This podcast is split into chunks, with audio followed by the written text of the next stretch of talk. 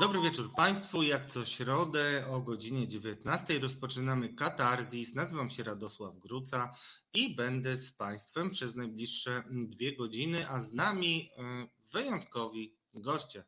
Jak e, pamiętacie, e, wszyscy resetarianie i resetarianki, dwa tygodnie temu bodajże błagałem za waszym pośrednictwem, żeby odwiedził nas Paweł Lęcki i się zgodził. Okazało się, że nasze prośby zostały wysłuchane, dlatego już za chwilę pasjonująca rozmowa o rodzicach i o tym, na którym miejscu w klasyfikacji problemów młodzieży znalazła się demoralizacja. Myślcie Państwo, a w tak zwanym międzyczasie zaproszę też na drugą godzinę, gdzie nasza loża kobieca dziennikarska będzie znowu dyktować mi, jak żyć. Oczywiście żartuję, będziemy prowadzili poważną dyskusję o Pegasusie, antyszczepionkowcach i tym, co na horyzoncie, bo ja już czekam na wiosnę, nie wiem jak Państwo. Zapraszam w takim razie, moi drodzy, mm, e, Pawła Lęckiego do naszego zacnego grona. Dobry wieczór. Dobry wieczór. Dziękuję bardzo, że Pan przyjął zaproszenie i nie był obojętny na nasze prośby. I od razu e, chciałem Państwu powiedzieć, że bezpośrednią przyczyną e, naszej rozmowy są ostatnie wpisy Pawła Lęckiego, który pisał dużo o rodzicach. E, jak e, wiecie pewnie, wszyscy rodzice na pewno, e, Tomasz Rzymkowski, wiceminister edukacji narodowej, ostatnio w swojej rundzie po mediach przypominał, że mm, Lex Czarnek, o którym już mówiliśmy, czyli ta ustawa, która de facto przekazuje mm, jurysdykcję nad szkołami kuratorom, jak wiemy, najsłynniejszą kuratorką i chyba emblematyczną dla tego, jak kuratorzy mm, mają pracować i wyglądać, jest pani Barbara Nowak. Nie trzeba nikomu przedstawiać. E, pani, e, która uważała jeszcze niedawno, że szczepionki są eksperymentem i generalnie jest jedną z liderek frontu anty-LGBT, który nie jest ideologią, tylko LGBT to ludzie, przypominam. Natomiast częstym wyjaśnieniem motywacji naszych rządzących albo partii rządzącej, jeśli nie naszej, jest to, że przekazują rodzicom kontrolę nad tym, co dzieje się w szkole. Do tej pory rzekomo rodzice nie mieli na to wpływu i można wywnioskować ze słów polityków PiSu, że oni, jako partia, która słucha ludzi, zapraszają rodziców do wzięcia odpowiedzialności, tak jakby odpowiadając na ich oczekiwania. I zastanawiam się, chciałem zapytać mm, nauczyciela i człowieka, którego bardzo szanuję, e, Pawle, czy rzeczywiście tak rodzice palą się do tego, żeby e, układać listę spotkań, bo taki przykład najczęściej pada, listę spotkań organizacji spoza szkoły, które do szkoły mogą być zapraszane? No, tu jest ileś e, problemów, których poruszyłeś. Zacznę od tego ostatniego pytania, oczywiście, e, i na nie odpowiedź pytanie, na te pytania odpowiedź jest prosta, to znaczy nie. Rodzice generalnie nie palą się do jakiejś większej współpracy ze szkołą. W zasadzie często jest trudno nawet wybrać trójkę klasową, więc co dopiero uzyskać jakieś takie opiniowanie spotkań z organizacjami, które e, miałyby się e, w szkole pojawić.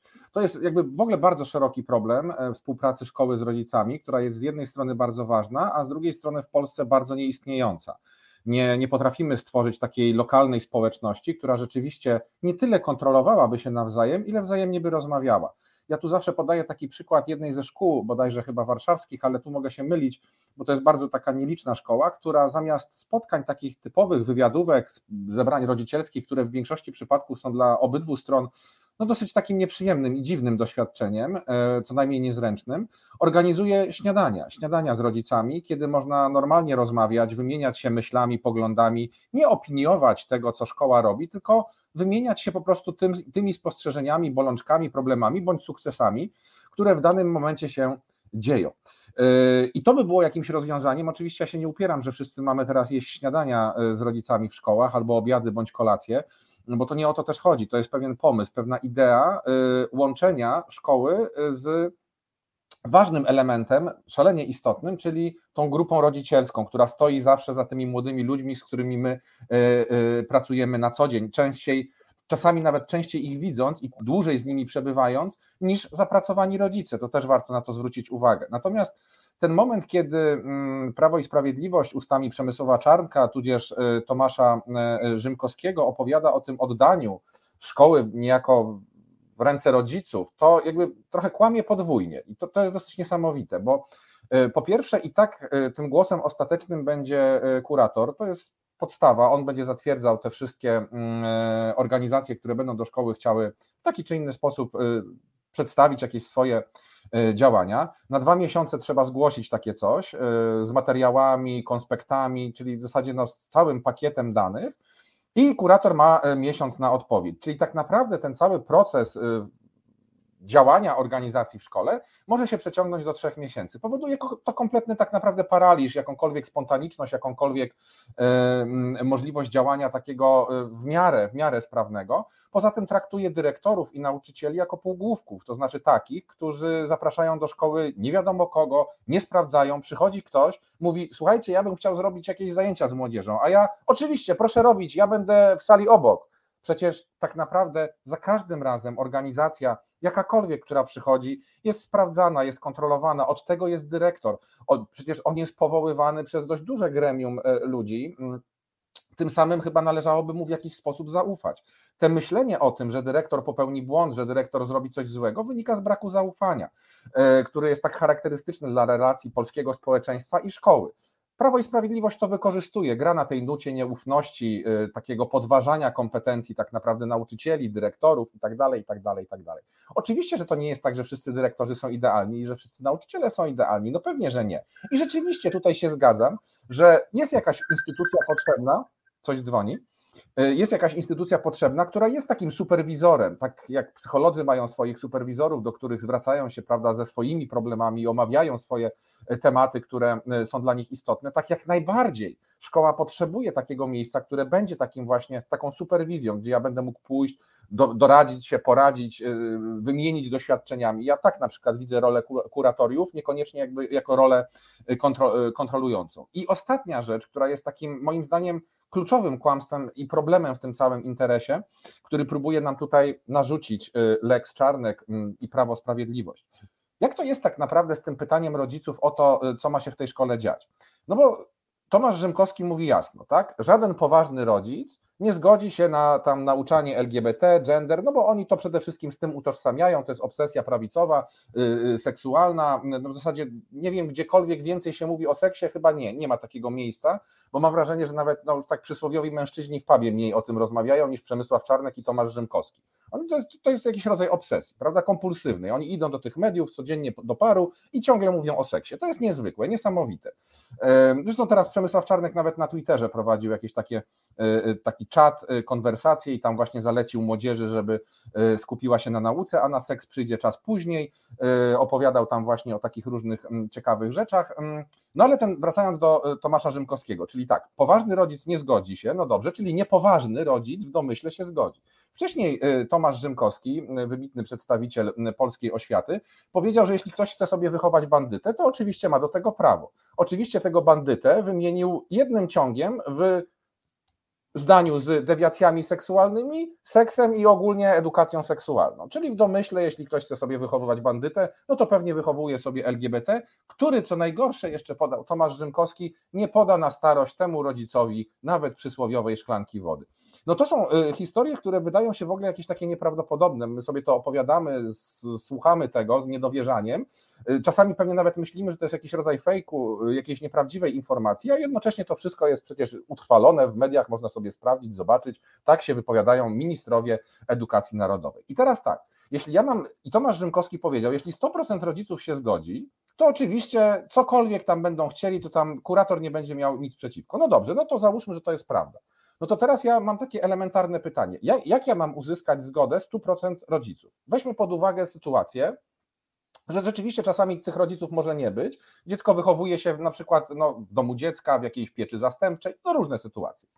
To jest po pierwsze. Po drugie, może być y, no, bardzo trudne y, i bardzo takie dramatyczne przypadki. Rodzina przemocowa, która w ogóle nie interesuje się edukacją dziecka i na jakikolwiek tak naprawdę y, komunikat ze szkoły reaguje agresywnie lub w ogóle nie reaguje, czyli nie ma z nimi tak naprawdę kontaktu. Pyta, pytanie jest na przykład kolejne, a jak pytać rodziców o to, czy ja mogę zaprosić organizację tych rodziców, którzy mają założoną niebieską kartę? Przepraszam Państwa, bo Państwo tam mają niebieską kartę, ale ja tu jeszcze bym chciał dopytać, czy ja mogę zaprosić taką, a taką organizację, bo ja bym tu chciał, żeby. No, to, to jest groteskowe, tak? E, a jak mam zapytać rodziców, na przykład dzieci, e, bo tacy też będą e, alkoholików, którzy leżą gdzieś tam, prawda, nieprzytomni? Dzisiaj media podały informacje, kurator nie mógł się ododzwonić z pomocy społecznej do rodziców, którzy mieli dwójkę dzieci pod opieką, a mieli 4 promile alkoholu. No to ja mam się gdzieś przebić jeszcze na przykład w taką sytuację. A teraz weźmy jeszcze inną sytuację pod uwagę. A jeśli mamy dwójkę rodziców rozwiedzionych, no ja wiem, że Zbigniew Ziobro chce teraz utrudnić rozwody, więc może to jest jakaś taka wspólna, y, wspólny front walki o to, żeby było łatwiej, no ale załóżmy, że jeszcze to nie weszło w życie, no i ludzie się rozwodzą. No tak się zdarza w życiu. I mają obydwoje równe prawa rodzicielskie. I teraz jeden rodzic się zgodzi, a drugi rodzic się nie zgodzi, na przykład na złość temu pierwszemu. Bo różne rzeczy się dzieją z ludźmi, również dorosłymi tutaj w tym przypadku, kiedy się rozwodzą. To co ja mam wtedy zrobić? Uwzględnić zdanie którego rodzica? Tego jednego, drugiego, matki, ojca? No, no nie, no oczywiste, że ojca. Cho, cho, no, no, ja wiem, w państwie tak. PiS jakby tymi takimi braćmi mniejszymi. Tak, także tutaj jest tyle problemów, które są tak jakby y, y, wbrew pozorom istotne, że mówienie o tym, że 100% rodziców musi się na coś zgodzić jest groteskowe. A ja jeszcze postawię na koniec takie trochę kontrowersyjne może y, pytanie, chociaż nie powinienem pytać, no bo to ty jesteś tutaj od pytania, ale zapytajmy się razem. Tak, bo to jest takie nieprzyjemne pytanie.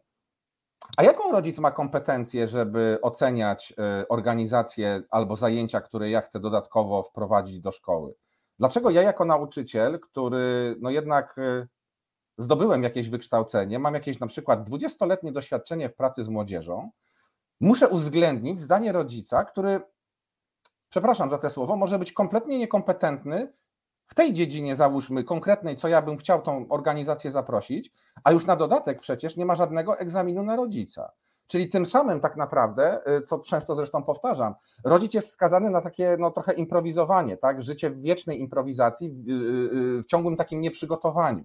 Y, oczywiście no, większość rodziców jest wspaniała, stara się jak może y, i tak dalej, i tak dalej, ale te pytanie o kompetencje rodzica, te oddawanie tej szkoły w ręce rodzica jest w jakimś sensie zasadnym pytaniem, bo to znowuż wynika z tego, czyli ja robię coś źle, mnie trzeba skontrolować i rodzic musi klepnąć, to, co ja bym chciał zrobić, to a, a jak daleko możemy przesunąć tę skalę? No bo rodzicowi w takim razie, oczywiście ministerstwo zapewnia, że rodzic nie będzie miał wpływu na podstawy programowe, nie będzie miał wpływu na inne rzeczy, ale dlaczego nie? Dlaczego miałby w takim razie nie mieć? Może mu się nie spodoba nauczanie tej lektury, tamtej lektury, moja decyzja taka, a nie inna. Więc może tak naprawdę to, to, to, to w czym w tym momencie staje się szkoła? No, to jest moim zdaniem takie, takich, jest ileś takich ważnych pytań, często takich trochę niezręcznych, które można postawić w sytuacji tego, co mówi ministerstwo. Oczywiście tutaj mam trochę też takich pretensji do dziennikarzy, bo dziennikarze nie zadają tych pytań e, ministrowi, zapraszają ich, oni mówią w kółku to samo. Ja śledzę wywiady Przemysława Czarnka i w zasadzie przeczytanie jednego wywiadu oznacza przeczytanie wszystkich wywiadów. Dowiemy się tam o e, jakimś propagowaniu neomarksistowskich, ideologicznych treści seksualnych, to jest fascynujące, ja do tej pory nie rozumiem e, o co w tym chodzi. Dowiemy się o liberalno-lewicowych i lewackich środowiskach to jest wszystko, co się dowiemy. Ale dlaczego dziennikarze nie zadają pytań trudnych, nie zadają pytań konkretnych? Dlaczego jakby nie, nie, nie drążą tego tematu? To nie jest oczywiście pretensja do ciebie, bo chyba nie miałeś okazji rozmawiać z Przemysławem Czarnkiem, ale ilu dziennikarzy tak naprawdę to robiło? I nigdy, nigdy nie starali się uzyskać tak naprawdę takich bardzo konkretnych, namacalnych odpowiedzi.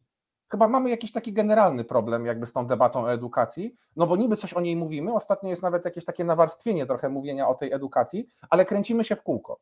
Nie rozwiązujemy tak naprawdę niczego. I to jest największy problem rządów PiS, tak naprawdę, y, patrząc y, globalnie, że tak naprawdę PiS nie rozwiązał żadnego problemu, bo nie uważam za rozwiązanie problemu biedy rozrzucenie po 500 zł rodzinom, bo to też jest rozrzucenie, bo to nie trafia tylko do tych rodzin potrzebujących. Jestem zwolennikiem, ale nie rozsypywania. E, więc to jest taki no, e, ich uroda, że tak powiem, że rozwiązują tylko te problemy, które najpierw sami stworzą. Ale to ode mnie. Natomiast y, Pawle, no chciałem Cię spytać przede wszystkim jeszcze o jedną rzecz, bo mamy tutaj pytanie, mm, mamy sporo pytań i opinii, także od ludzi, którzy Ciebie obserwują, a jest ich, jak wiemy, już 30 tysięcy, może więcej, tak, Paweł? 72 tysiące. Przepraszam, 70. Myślałem o 70. Ja wiem, 3 przy 7 to jest dokładnie to samo, to w zasadzie niewiele zmienia. Nie, nie, nie. Ale nie, nie, skoro ale już wymieniałeś liczby, to. Nie, ale to jest piękne, że, że ci ludzie przychodzą i naprawdę na, twoim, na twojej osi trwa duża dyskusja. Dlatego też odnoszę się do tych komentarzy, które mamy na Facebooku i między innymi mm, no, pozwolę sobie zadać to pytanie, bo to jest przewrotne, choć wydaje się być nawet retoryczne. Bożena Breczka pyta, Breczko pyta, czy zgodę na rekolekcje w czasie szkolnym też 100% rodziców będzie musiało wyrazić? Czy może to są zajęcia w ramach e, lekcji religii, czy poza nimi? Ja Absolutnie. No, nie, nie ma czego. Y, jakby ideologia y, narodowo-katolicka plus harcerze, bo harcerze są, są wyłączeni jako organizacja, która musi składać jakiekolwiek dokumenty i, i, i może po prostu wchodzić sobie do szkół tak, tak po prostu. Okej, okay, no ja może nie, nie, chcę tu występować przeciwko harcerzom, tylko tak zrobiono po prostu, że ich wyłączono z, tego, z, tych, z tych zapisów. Natomiast wszelkie, wszelkie maści rekolekcje i inne tego typu religijne działalności, oczywiście, że nie muszą o nic pytać. Podobnie zresztą jak nie pytał Łukasz Mejza, y, który wszedł sobie prawda, do szkoły w Zielonej Górze, aczkolwiek trzeba uczciwie przyznać, że po doniesieniach medialnych kuratorium podjęło decyzję o kontroli w tej szkole no bo rzeczywiście e, wyszło bardzo niezręcznie, tym bardziej, że okazało się, że nauczycielka, która zaprosiła tego e, wybitnego polskiego przedsiębiorcę młodego i wybitnego polskiego polityka, jest jego wspólniczką w interesie maseczkowym, czyli jakby te powiązania tam były tak daleko idące, że, że to jest rzeczywiście wyjątkowo przykre. Ja chciałem z kolei, bo tutaj męczy mnie to i, i znaczy tak pozytywnie mnie to męczy i chciałem zwrócić uwagę na, na, na tą inną frazę, którą tutaj pani Gosia napisała, że jak zwykle rozmawia się o młodych, ale młodych o zdanie nikt nie pyta. A y, to nie jest do końca prawda, bo y, jakby no, formuła tego programu jest taka, jaka jest, natomiast y, miałem już okazję ileś razy uczestniczyć w spotkaniach, gdzie byli młodzi ludzie, to jest nadal nie do końca normą, zwłaszcza w dużych mediach, tam jakby bardzo rzadko zaprasza się młodych ludzi, natomiast byłoby nieuczciwością powiedzieć, że właśnie trochę mniejsze media, jakieś fundacje nie podejmują już właśnie tych kroków, żeby za każdym razem gdzieś był młody człowiek. Ja powiem tak, tu odpowiadając pani Gosi, to nie jest prawdą, że tych młodych nikt nie pyta, bo y, no, mam okazję też z nimi rozmawiać, więc kiedy y, coś mówię o młodych, to raczej staram się mówić jakby z ich perspektywy. Oczywiście, że jak pewnie każdy trochę nauczyciel, jak i też każdy dorosły, filtruje to trochę przez, y, przez siebie, staram się robić to jak najmniej, chociaż z drugiej strony też nie możemy sobie odmówić pewnej, nazwijmy to odrobiny dodatkowej mądrości, która wynika tylko dlatego, z tego, że żyjemy ciut dłużej i poznaliśmy troszeczkę więcej spraw, więcej, większą grupę ludzi i tak dalej, i tak dalej. Nie stawiałbym tutaj na ostrzu noża właśnie tego, że to tylko dlatego, że teraz rozmawiamy w dwie osoby, to oznacza, że mamy obywateli, którzy nie interesują się polityką i mają wszystko w nosie. To znowuż jest pewien takie, pewne takie uproszczenie.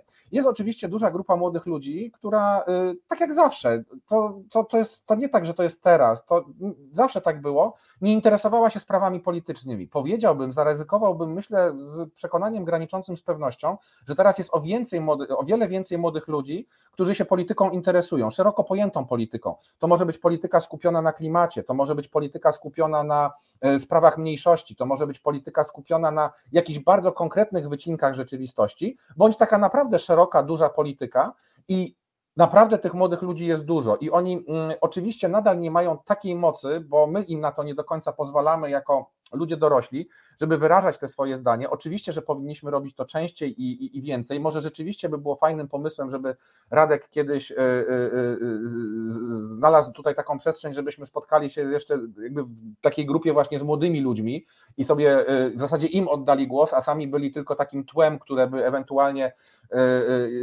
no nazwijmy to tak, towarzyszyło tej rozmowie. Myślę, że to jest jakiś, jakiś fajny pomysł bo, bo, bo byłoby to z pewnością ciekawe, ale chciałem też zwrócić uwagę na jedną rzecz, to będzie moja puenta, ja przepraszam, się znowuż rozgaduję i, i tak działa, ale no, tutaj ktoś tam y, gdzieś tam też w jednej z wypowiedzi pisał o tej słynnej y, sytuacji w Elblągu, yy, znaczy słynnej, no normalnej, no młodzi na... o co chodzi, tak, w Elblągu, PiS. Tak, I za to że... kara surowa. Tak, przypomnijmy, że studniówka jest imprezą pozaszkolną. Ta studniówka odbywała się w hotelu. Y, sytuacja śpiewania y, y, utworu w zasadzie już folklorowego, takiego, takiego ludycznego, który wpisał się w język potoczny, czyli jebać pis, to już tak naprawdę to już nie ma takiej, takiej mocy, jak miało wcześniej. To jest po prostu pewien taki język potoczny już w tym momencie. I o drugiej w nocy sobie to zaśpiewali. No raczej o drugiej w nocy na imprezie młodzi nie śpiewają Bogu rodzicy, byłoby to dosyć dziwa, to dopiero byłoby dziwne i niepokojące i rzeczywiście bym się nie zdziwił, że telewizja by pojechała coś takiego y, y, omówić. Natomiast tutaj rzeczywiście to nagranie zostało udostępnione, telewizja polska bardzo się wzburzyła tą sytuacją, mm, dyrektorka, ja się nawet nie dziwię do końca tej dyrektorce, która tłumaczyła, że tak, zdyscyplinowała wychowawców, co brzmi w ogóle koszmarnie, ale mm, chciałbym wierzyć, że tego nie zrobiła, że mówiła to tylko na potrzeby telewizji, żeby po prostu się odczepili, tak, bo taka telewizja polska mogłaby dalej drążyć ten wątek, tym bardziej, że szkoła mia, ma nazwę patrona Jana Pawła II, czyli skandal jest podwójny, w ogóle abominacja, horror, jak mogą uczniowie ze szkoły Jana Pawła II śpiewać takie rzeczy. Ale do czego zmierzam? Bo zauważyłem, że dużo ludzi tak bardzo cieszy się z tego, oczywiście tej naszej bańki, na, naszej strony, że, że oni to robili. Okej, okay, ja jakby te emocje należy zrozumieć i, i one są poniekąd y, logiczne, E, ja też rozumiem ludzi, których to razi, że gdzieś tam nie podoba im się, że, że używa się takich słów. No, no, no dobrze, no ja, ja jestem w stanie przyjąć jakby wiele punktów widzenia i próbować się nad nimi pochylić. Ale zmierzam paradoksalnie do zupełnie czegoś innego. Kiedy były strajki kobiet i miałem okazję rozmawiać z uczniami na ten temat, to pytałem się ich właśnie, jak oni się odnoszą do, do tak dość dużej wulgaryzacji jakby tego, co się wtedy działo. I oni powiedzieli mi coś bardzo ciekawego. To znaczy nie chodziło o same wulgaryzmy, tylko chodziło o zachowania młodych ludzi. Że oni tak jak popierając oczywiście, ale też jakby mówili o tym, że trzeba wziąć też poprawkę na to, że część tych młodych ludzi, kiedy śpiewa te jebać pis i tam krzyczy, prawda, to robi to kompletnie bezrefleksyjnie. To nie jest jakieś głębokie przekonanie, że władza jest zła y, z powodów takich, takich, a takich, tylko jest to powiedzmy pewnego rodzaju taki upust emocji, za którym nie stoi tak naprawdę jakaś ogromna y, y, prawda polityczna. Oczywiście część młodych ludzi tak, y, a część młodych ludzi absolutnie nie. Na to też musimy zwrócić uwagę, że młodzi ludzie są bardzo różni. Żyją w bardzo różnej rzeczywistości, w bardzo różnych rodzinach i naprawdę takie generalizowanie jakby oceny młodzieży w dzisiejszych czasach jest bardzo trudne. Trzeba być bardzo ostrożnym z jednej strony kiedy mówi się o tym, że oni się nie angażują politycznie, bo to jest nieprawda, a z drugiej strony, kiedy się tak bardzo podkreśla, że jak to fajnie, że tak dużo, że ci młodzi ludzie tam krzyczeli właśnie te hasło. Nie wiemy tak naprawdę, oni już tam mogli, tak po prostu było, tak? Może część rzeczywiście robiła to z przekonaniem. Mają do tego pełne prawo na studniówce, jeszcze raz podkreślę, pozaszkolnej imprezie, w ogóle y, zapłaconej sami przez siebie, przez ich rodziców. Y, to, to, to w ogóle jest absurd, że ktokolwiek y, podnosi taki problem, że na studniówce coś takiego się wydarzyło. Rozumiem, gdyby ktoś kogoś pobił, nie wiem, doszło do jakichś aktów przemocy takiej czy innej, okej. Okay. Natomiast mówimy tylko i wyłącznie o ekspresji szeroko pojętej zabawowej na prywatnej imprezie która nie ma nic wspólnego ze szkołą, chociaż w polskiej rzeczywistości, w ramach absurdalnego prawa, które nie istnieje, nauczyciele tam są uwikłani w bycie jakimiś strażnikami prywatnej imprezy.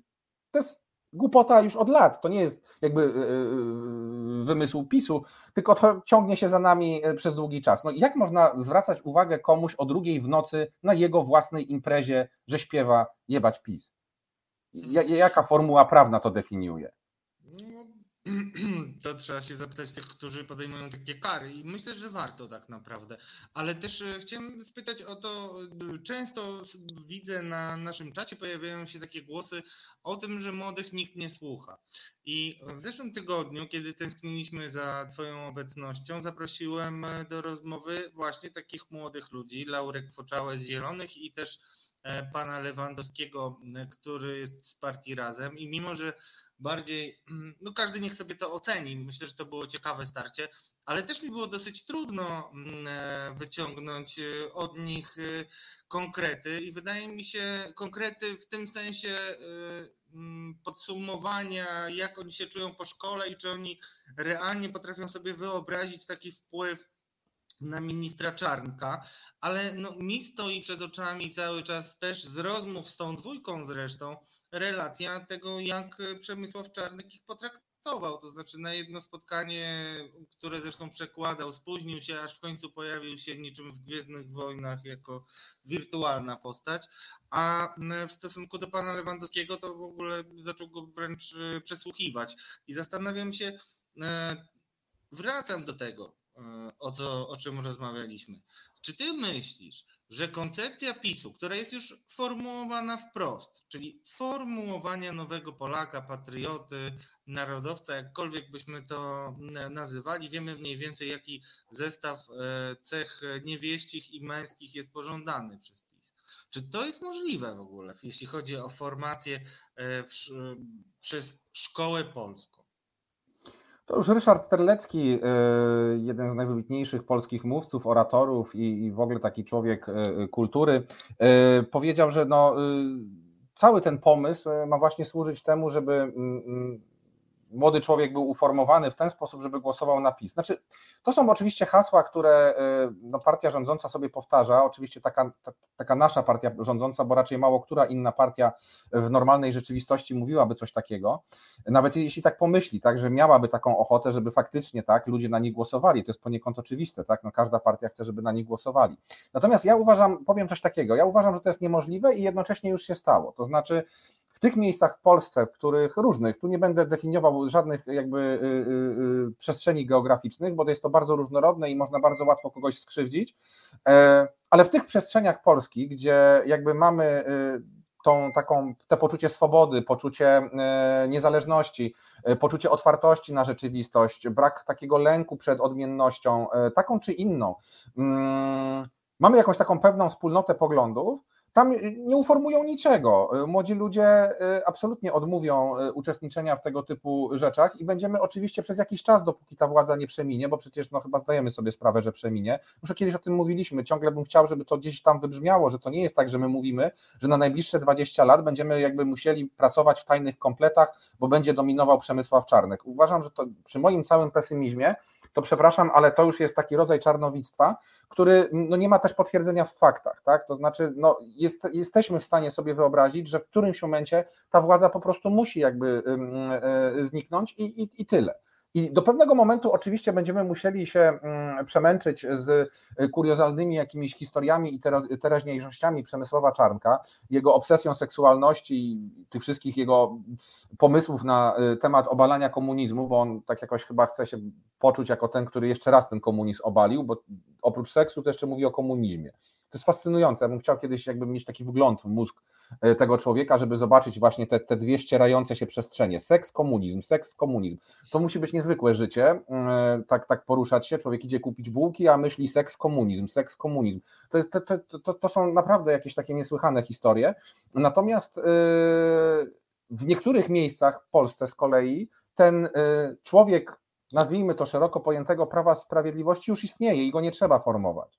On już jest na różnych płaszczyznach, oczywiście na, różnych, na różnym poziomie, ale tam już nic nie trzeba robić. I tak naprawdę tu jest bardziej moim zdaniem taki większy problem i, taka, taka głębsza myśl, że nawet jeśli ta władza przeminie, to przecież nie przemijają ludzie.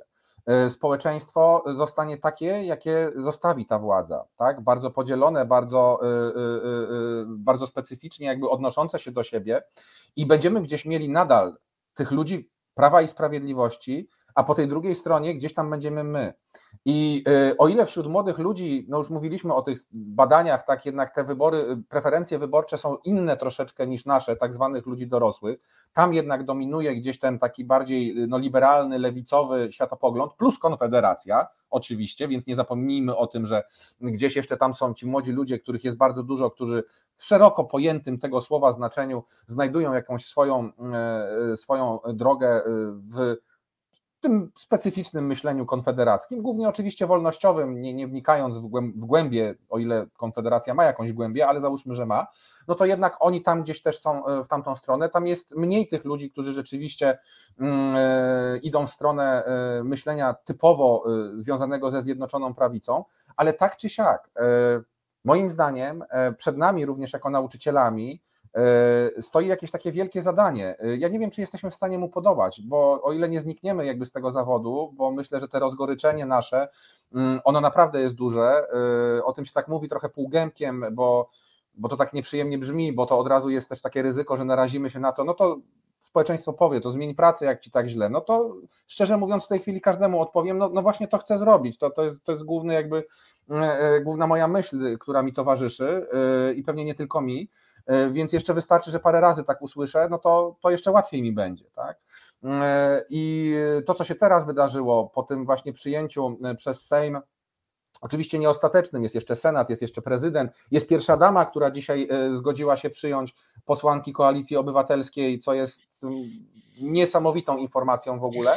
I naprawdę mówię to bez cienia ironii, bo, bo, bo chciałbym czasami na moment jakby uwierzyć w człowieka, że może się budzi jakieś tam wewnętrzne coś, zwłaszcza, że e, no, pierwsza dama ma, ma chyba świadomość, że już nie, trzeci raz nie będzie pierwszą damą. E, no, i mo, może, może gdzieś tam coś powstało, jakieś takie poczucie, że a może by tak fajnie było zostawić po sobie coś innego niż milczenie. Mo, mo, może nie chcę być tylko zapamiętany. Ja wiem, że ja teraz już jakby przesadzam pewnie op, z optymizmem, ale no nie wiem, może w tej, tej, tej koszmarnej, absurdalnej sytuacji pandemiczno-apokaliptycznej Adama Niedzielskiego y, dajmy sobie szansę chociaż na moment pomyśleć, że mogłoby się wydarzyć coś, czego się nie spodziewamy, y, pozytywnego. Pewnie się nie wydarzy, ale dajmy sobie ten margines błędu, tak? Więc wydaje mi się, że te nasze takie zadanie szkoły, edukacji, ale też tak naprawdę właśnie społeczności dziennikarskiej, społeczności, y, każdej społeczności, która ma realny wpływ na opisywanie rzeczywistości. Nie na przekonywanie, nie na zmuszanie kogokolwiek, jak chce, tego, jak chce to robić y, y, Zjednoczona Prawica, nie na narzucanie, E, jakiegoś modelu e, prawda, rzeczywistości i modelu patriotyzmu, modelu bycia obywatelem i tak dalej, i tak dalej, ale jeśli my nie będziemy potrafili opisać tego świata, nie będziemy potrafili pokazać, że ten świat może być inny, lepszy, ciekawszy, e, bezpieczniejszy, dający nam poczucie jakiejś takiej swobody, co nie oznacza absolutnie braku granic, jak, tak jak to często się nam zarzuca, także nihiliści, brak zasad. Przemysław Czarnek powiedział, że bezstresowe wychowanie jest powodem problemów psychicznych młodych ludzi. No, kolejna brednia, tak? Tak jak wcześniej zarzucał, że to opozycja wpędza dzieciaki w depresję przy okazji LGBT, tak? No i jeszcze do teraz dodaje internet, mu się tam połączył, prawda? To jest w ogóle już tak groteskowo zabawne w, w kontekście edukacji zdalnej, prawda? E, kiedy mówi się, że to internet wpędza. No wpędza w jakimś sensie, ale nie w sensie samego internetu, tak? To nie jest tak, że młody człowiek, który e, e, jest zupełnie jakby, no dobrze się sam czuje ze sobą, wszystko jest z nim w porządku, usiądzie przed internetem, o kurde, nie no, mam depresję. To tak, to tak nie działa. Mechanizmy depresji, mechanizmy problemów psychicznych są o wiele głębsze, czego oczywiście Przemysław Czarnek nie rozumie i chyba nawet nie da rady zrozumieć, bo to nie jest ten rodzaj empatii, ani ten rodzaj kompetencji tak naprawdę mm, w jego wykonaniu. Tym samym, reasumując, jeśli my, którzy uważamy, że świat powinien wyglądać inaczej, nie będziemy umieli mimo wszystko pokazać tego świata, wytłumaczyć tego świata, pokazać, dlaczego ten świat, który tak odrzucamy, jest zły, no to będziemy mieli problem, bo, bo nawet jak pojawi się nowa władza, to nasze społeczeństwo będzie nadal takie, takie płytkie, takie, takie inercyjne, takie jakieś. Yy, niegotowe do wzięcia na siebie odpowiedzialności za pewne rzeczy. Ja mam wrażenie, że my się tego bardzo boimy, że to my jako społeczeństwo odpowiadamy za pewne rzeczy i kiedy, kiedy sobie śledzimy tych polityków, którzy te rajdy robią po tych mediach, to jakby zrzucamy na nich jakby tą odpowiedzialność.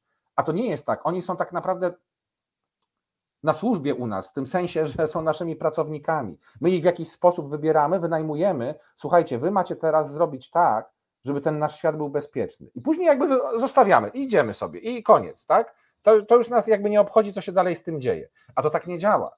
E, my musimy tych polityków kontrolować, my musimy tych polityków rozliczać, my musimy tych e, e, polityków no, nieustannie pytać, czy aby na pewno wy dobrze robicie, czy aby na pewno to jest dobry kierunek. Siebie musimy pytać, a jeśli się wszyscy udajemy na emigrację wewnętrzną, stwierdzamy, że to nas nie obchodzi, nie interesuje, to, to w ogóle jest poza nami, no to w tym momencie mamy właśnie to, co mamy. Mamy ten problem, z którym teraz się zmagamy.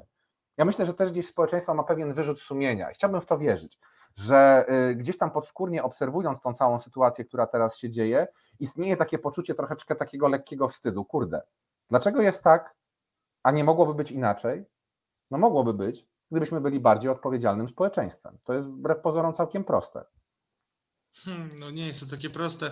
Niestety muszę przeczytać jeden komentarz, który jest chyba najbardziej gorzkim komentarzem, jaki mi się zdarzyło odczytać, a bardzo pięknie napisanym. Anna Matysiak napisała: Smutkiem napawa mnie to wszystko, zwłaszcza gdy słyszę, że jakiś nauczyciel chciałby odejść z zawodu, bo na taką refleksję stać chyba właśnie tych, którzy pozostać powinni. Ty też, e, Pawle, masz e, takie refleksje czasami. E, mówisz o znikających nauczycielach. To jest bardzo smutne i bardzo o pesymizmie powiem na koniec, ale chciałem, dlaczego ty nie jesteś.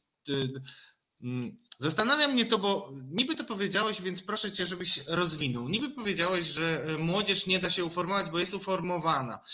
Są takie stereotypy, że no, bunt jest domeną młodości. E, jechać PiS e, krzyczała głównie młoda część protestujących i też zresztą głównie młoda część protestujących wyszła na ulicę, choć trudno mi e, nie brać pod uwagę, że też to była kolejna fala pandemii, więc wiele osób starszych mogło się po prostu bać koronawirusa i stąd takie proporcje. Ale no, pytanie jest takie, czy na fali tego buntu może być tak, jak kiedyś było w Rumunii, że Czałszewsku zakazał aborcji, bo chciał mieć dumny rumuński naród, a potem ci młodzi ludzie poszli pod jego pałac i go obalili e, pod koniec lat 80. i stracił życie, nawet chociaż to akurat nie ci młodzi ludzie.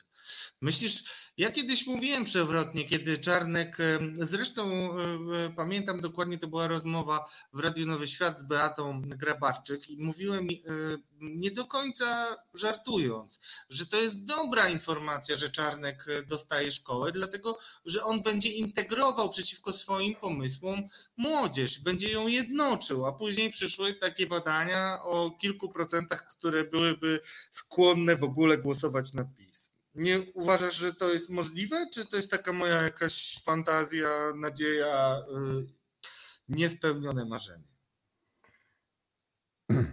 Młodzi są e, tak naprawdę odbiciem tego, jakie jest społeczeństwo tak zwane dorosłe. E, oczywiście różnią się jakimiś pewnymi cechami, natomiast trudno oczekiwać, że młodzi będą jakoś szczególnie inni niż my.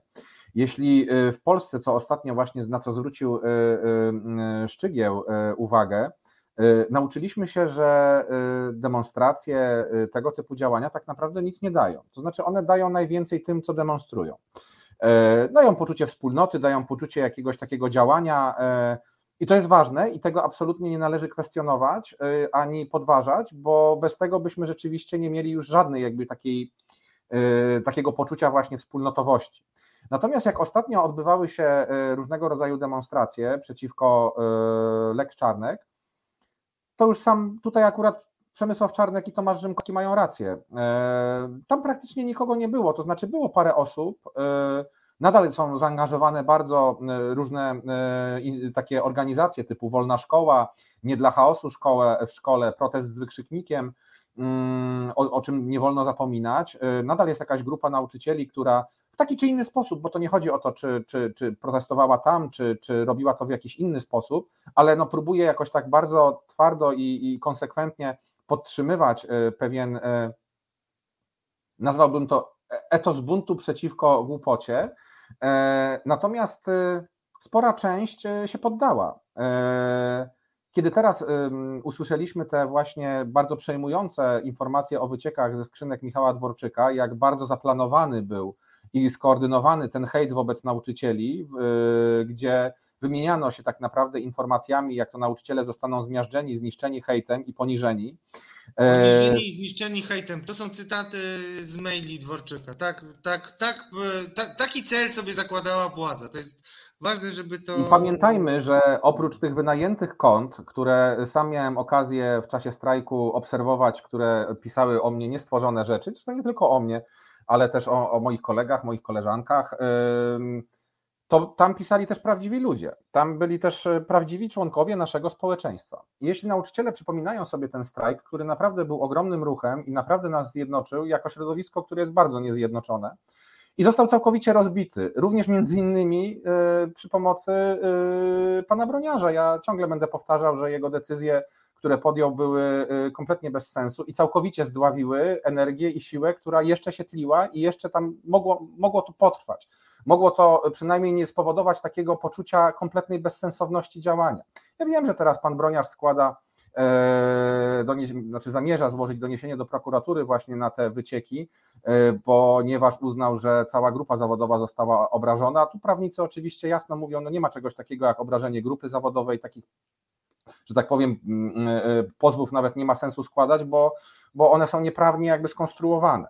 Natomiast e, poczucie nauczycieli takiej swoistej klęski po strajku i takiego wycofania e, i lęku przed tym, że jakikolwiek inny protest nauczycieli w tej chwili spowodowałby to samo, powoduje, że my jako grupa jesteśmy bardzo wycofani. Bardzo się jakby obawiamy pewnych rzeczy. I ja się obawiam, że obok tego, że będziemy znikać, tak jak Michał Sporoń, jeden z bardziej znanych takich nauczycieli, polonista, który z posłanką Barbarą Dziuk wchodził w konflikt, znaczy ona głównie z nim, no bo to ona się z nim tam procesowała, ten z Prawa i Sprawiedliwości bodajże, jeśli dobrze pamiętam, no Zjednoczonej Prawicy generalnie, y, on też odchodzi, tak, sukcesywnie będzie znikał, przenosi się w ogóle do innego kraju. Y, no to jest taki powiedzmy konkretny, głośny przykład, ale tych takich zniknięć cichych, zniknięć mniejszych, przecież y, nauczyciele jakby nie wszyscy są rozpoznawalni, bo takiego obowiązku nie ma i każdy sobie realizuje swoją drogę zawodową i życiową w taki sposób, jak uważa za stosowne. I ci nauczyciele będą rzeczywiście znikać. Poszukuje się ostatnio coraz bardziej, tak, e, nie tylko nauczycieli, ale w ogóle też egzaminatorów do matury, e, z przedmiotów ścisłych zwłaszcza, e, no bo ich nie ma. Stoimy tak naprawdę, mm, co władza próbuje odsuwać cały czas i udawać, że ten problem nie istnieje, przed naprawdę dużym niedoborem nauczycieli, I rzeczywiście to nie jest jakby rodzaj pychy, to nie jest, tu, tu nie chcę tak zabrzmieć, bo, bo, dlatego boję się użyć tego sformułowania. Mm, rzeczywiście będą odchodzili przede wszystkim ci, którzy są nieźli, są co najmniej dobrymi rzemieślnikami. Ja nie mówię tutaj o nauczycielach jakichś naprawdę wybitnych i, i, tak dalej, ale o takich po prostu znakomitych rzemieślnikach. Y, nie oznacza to też, żeby było jasne, że zostaną sami źli Zostaną też e, bardzo dobrzy, e, ale będzie ich coraz mniej. E, a ci, co zostaną, będą coraz bardziej sfrustrowani. Ciągle to powtarzam, że w naszym kraju, kiedy formułuje się myśl o dobrostanie nauczycieli, to brzmi się, jakby się w ogóle jakieś science fiction formułowało, bo o ile jeszcze dobrostan uczniów mieści się Polakom w głowie, że warto by było może zadbać o te dzieci, chociaż to też jest takie, prawda, dyskusyjne, przede wszystkim muszą się nauczyć. No tak jak powiedział Czarnek, zajmijcie się nauką, a seks, no, no generalnie to jest taka stara śpiewka, którą się dzieciom mówi, tak? We, weź się do książek. I to jest jakby podstawowa kwestia, która, y, którą dziecko, młody człowiek powinien się zająć, a cała reszta to nie wiem, kiedyś, później, nie wiadomo kiedy tak naprawdę. Y, natomiast y, z tej perspektywy te takie przekonanie, że nauczyciel nie musi jakby czuć się dobrze, nie, nie, nie powinien zadbać o swój dobrostan, państwo nie powinno zadbać o jego dobrostan, co więcej, społeczeństwo nie powinno zadbać o jego dobrostan, bo ten nauczyciel uczy dzieci tego społeczeństwa. To jest jeden z największych paradoksów w ogóle sytuacji. Społeczeństwo w jakiejś tam sporej części jest niechętne nauczycielom. Ok, ja rozumiem nasze błędy, nasze porażki, nasze sprawdziany, nasze oceny bez sensu, nasze prace domowe idiotyczne, zadawane nie wiadomo po co w takich ilościach. Ja to wszystko rozumiem, ale dlaczego społeczeństwo nie powie tak, ok, my, my rozumiemy, że jak w każdym zawodzie są nauczyciele tacy, tacy i tacy, czyli mamy garstkę znakomitych, ogromny środek naprawdę fajnych rzemieślników i znowuż jakąś tam część takich no po prostu kiepskich, tak? No, wszędzie tak jest. Krzywa Gaussa jest nieubłagana. Ale my was doceniamy, bo wy opiekujecie się w szerokim tego słowa znaczeniu intelektualnym, emocjonalnym, e, trochę też wychowawczym, naszymi dziećmi. My musimy was wspierać, bo, bo, bo na was tak naprawdę opiera się całe nasze społeczeństwo w przyszłości. No bo jeśli wy będziecie się czuli źle, no to nasze dzieci się będą czuły źle. A jak nasze dzieci będą się czuły źle, to my się będziemy czuli źle. No, to jest zbiór naczyń połączonych. Wracamy tutaj szerokim kołem do tej współpracy rodziców ze szkołą. To naprawdę nie chodzi o to, że rodzic ma opiniować taką czy inną organizację. To chodzi przede wszystkim o to, żeby właśnie spróbować zejść z tych barykad, na których stoimy. Żeby to nie było tak, że jesteśmy jakby troszeczkę jakby przeciwko sobie. Żebyśmy nauczyli się w szkole y, łączenia tak naprawdę naszych kompetencji, bo mamy je różne. Rodzic ma inne kompetencje i powinności, i nauczyciel ma trochę inne powinności i kompetencje. To się wzajemnie uzupełniać może bardzo pięknie, tylko że my zamiast to tak jak puzzle zazębiać, to próbujemy wciskać te kawałki nie tam, gdzie trzeba, tak? Na siłę, że może, może się spasuje, może wyjdzie z tego jakiś obrazek, tak? Jak tam włożę gdzieś ten puzzle nie tam, gdzie trzeba. Nie, nie wyjdzie. Nic nam z tego nie wyjdzie. To musi być płynne, to musi być spójne, to musi być oparte na wzajemnym zaufaniu. Tak jak troszeczkę z tymi śniadaniami, tak? No bo jeśli się jest kimś śniadanie, zazwyczaj y, zaczyna mu się trochę bardziej ufać niż z kimś, y, mm, kto stoi za biurkiem, a, a, a ty siedzisz w ławce, prawda, jak ten uczeń i, i, i, wysłuchujesz tego, co ten ktoś ma ci do powiedzenia. No to nie jest relacja, to, to nie jest jakby w żaden sposób, nie buduje to y, niczego pozytywnego. No musimy próbować jakby szukać tych rozwiązań i tu już kompletnie abstrahuję od Przemysława Czanka, który kiedyś rozpłynie się, zniknie, będziemy się z tego za pięć lat pewnie śmiać, bo to jest przecież przekomiczne, jak się patrzy na to z boku i kuriozalne. Natomiast teraz nas to średnio bawi, no bo uczestniczymy w tym i podlegamy temu. Wszyscy. Znowuż, to nie jest tak, że tylko nauczyciele, dyrekcja, szkoła podlega. Podlegają temu młodzi ludzie, a tym samym podlegają temu rodzice. Są grupy na Facebooku nauczycielskie, część rodziców się e, e, tam grupuje. Jak patrzyłem ostatnio, to na jednej z grup jest na przykład 2000 rodziców. No i teraz się zastanawiam, czy to jest dużo, czy to jest mało. Rodziców przeciwko e, lekszczarnym. Czy 2000 rodziców to jest dużo? Nie wiem. E, biorąc pod uwagę, ile tych rodziców tak naprawdę powinno tam być, biorąc pod uwagę, ile jest dzieci, prawda? E, to znowu są jakieś trudne pytania, które powinniśmy sobie e, zadać. Natomiast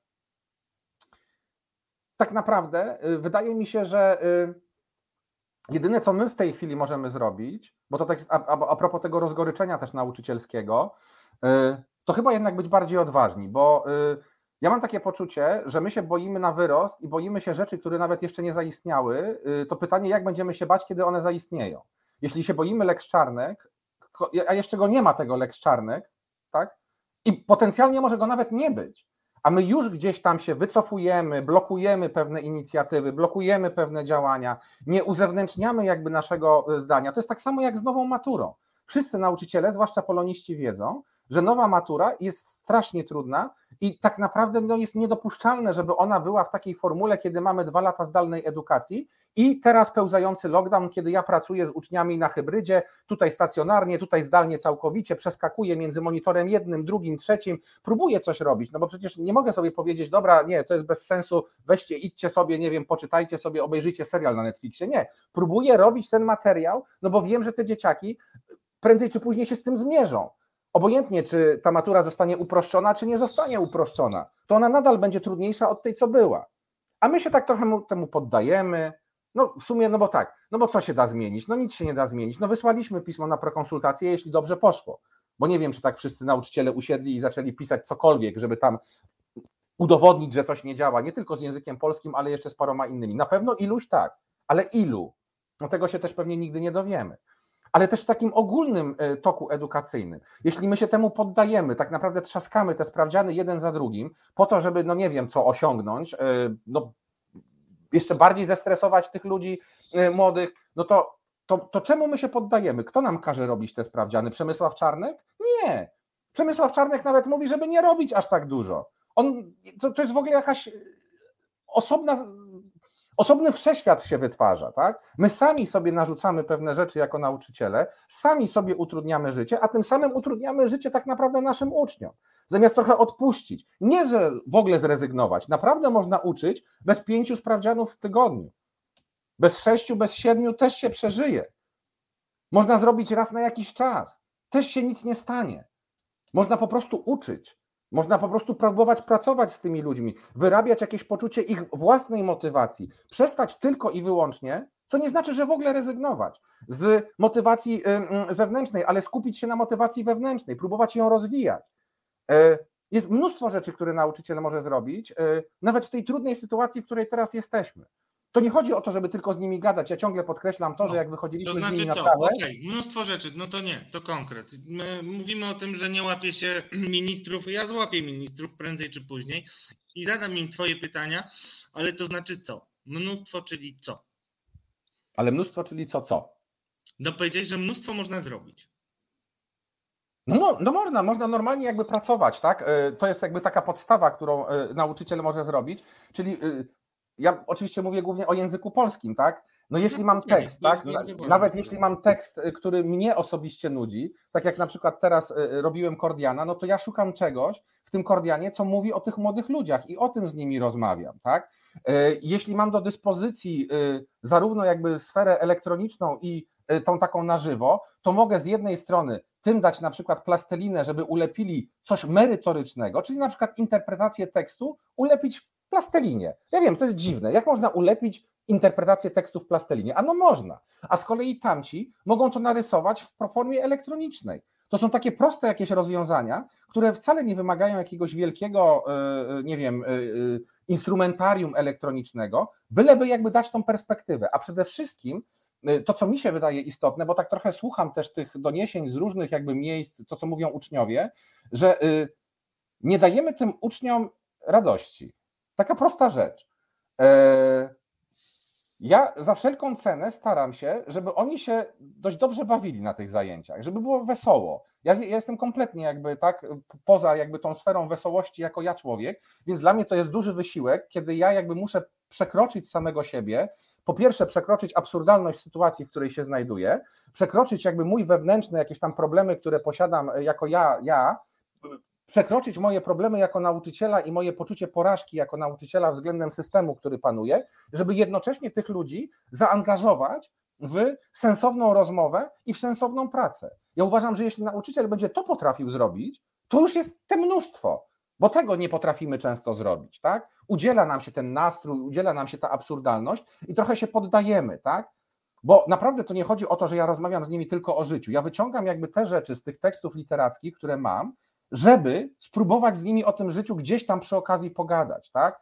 Mm, e, jeśli robię na przykład opowiadanie Olgi Tokarczuk, e, profesor Andrews w Warszawie e, z młodymi ludźmi, no to mam do dyspozycji całe mnóstwo wątków, które mogę z nimi zrobić, tak? Łącznie ze stanem wojennym, e, który tam przecież się pojawia. Mogę e, odwołać się do roku 1984, mogę zrobić motyw labiryntu i pogadać z nimi o w ogóle jakby strukturze życia jako labiryntu, tak? Na czym polega nasze poszukiwanie w życiu różnego rodzaju odpowiedzi.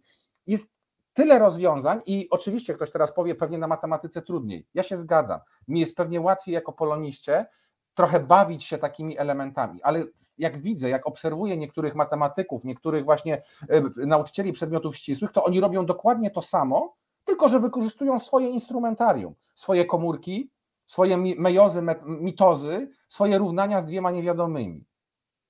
Pamiętajmy, że to się wszystko łączy, tak? Przedmioty nie są osobne. W gruncie rzeczy powinniśmy jakby dążyć do tego, żeby jakoś próbować to gdzieś połączyć, pokazać jakby te zależności jest tyle rzeczy, o których w przypadku edukacji można mówić, że moglibyśmy tutaj spędzić, nie wiem, północy, abyśmy nie poruszyli większości. To, to się nawarstwia. A jednocześnie my w Polsce dyskutujemy o neomarksizmie, o demoralizacji przez edukację seksualną. To jest największa nasza porażka, że nie dyskutujemy o rzeczach naprawdę fajnych, super, wow, które można by było naprawić, wprowadzić, wcale nie jakichś nie wiadomo jakich. A musimy się skupiać na obsesjach Przemysłowa Czarnka. To jest nasza porażka jako społeczeństwa. Naprawdę ogromna, wielka i fajnie by było, żeby no, w którymś momencie to się skończyło. No daj, no, daj Boże, ja powiem od siebie. Na koniec tylko chciałem e, spytać, jak ty się czujesz, Pawle? Długo prosiłem cię, żebyś e, e, przyszedł do programu. E, piszesz o sobie, że jesteś pesymistą i kiedy to czytam, to przypominam sobie, e, e, znaczy myślę, że większość ludzi, którzy czytają twoje teksty i czekam na komentarze, bo jestem bardzo ciekaw, nie macie za pesymistę, bo pesymiści potrafią tylko i wyłącznie narzekać. A tak naprawdę twój przekaz jest bardzo pozytywny, bo ty się nie poddajesz, bo ty codziennie piszesz. Jak ten syzyf, który e, swój kamień e, toczy, mam nadzieję, że ty odwrotnie do syzyfa go dotoczysz i zrzucisz go jeszcze może na jakieś patologiczne oddziały. E, I pamiętam, jak moja mama mówiła, że ona nie jest pesymistką, tylko jest realistką, e, a była absolutną pesymistką i myślę sobie, że gdzieś ten optymizm w tobie jest, a na pewno w imieniu wszystkich twoich e, widzów e, i czytelników chcę ci podziękować i namawiać cię do tego, żebyś się nie poddawał, ale tak naprawdę też czytam komentarze i czytam o takiej tęsknocie za tym, żeby było więcej nauczycieli takich jak ty.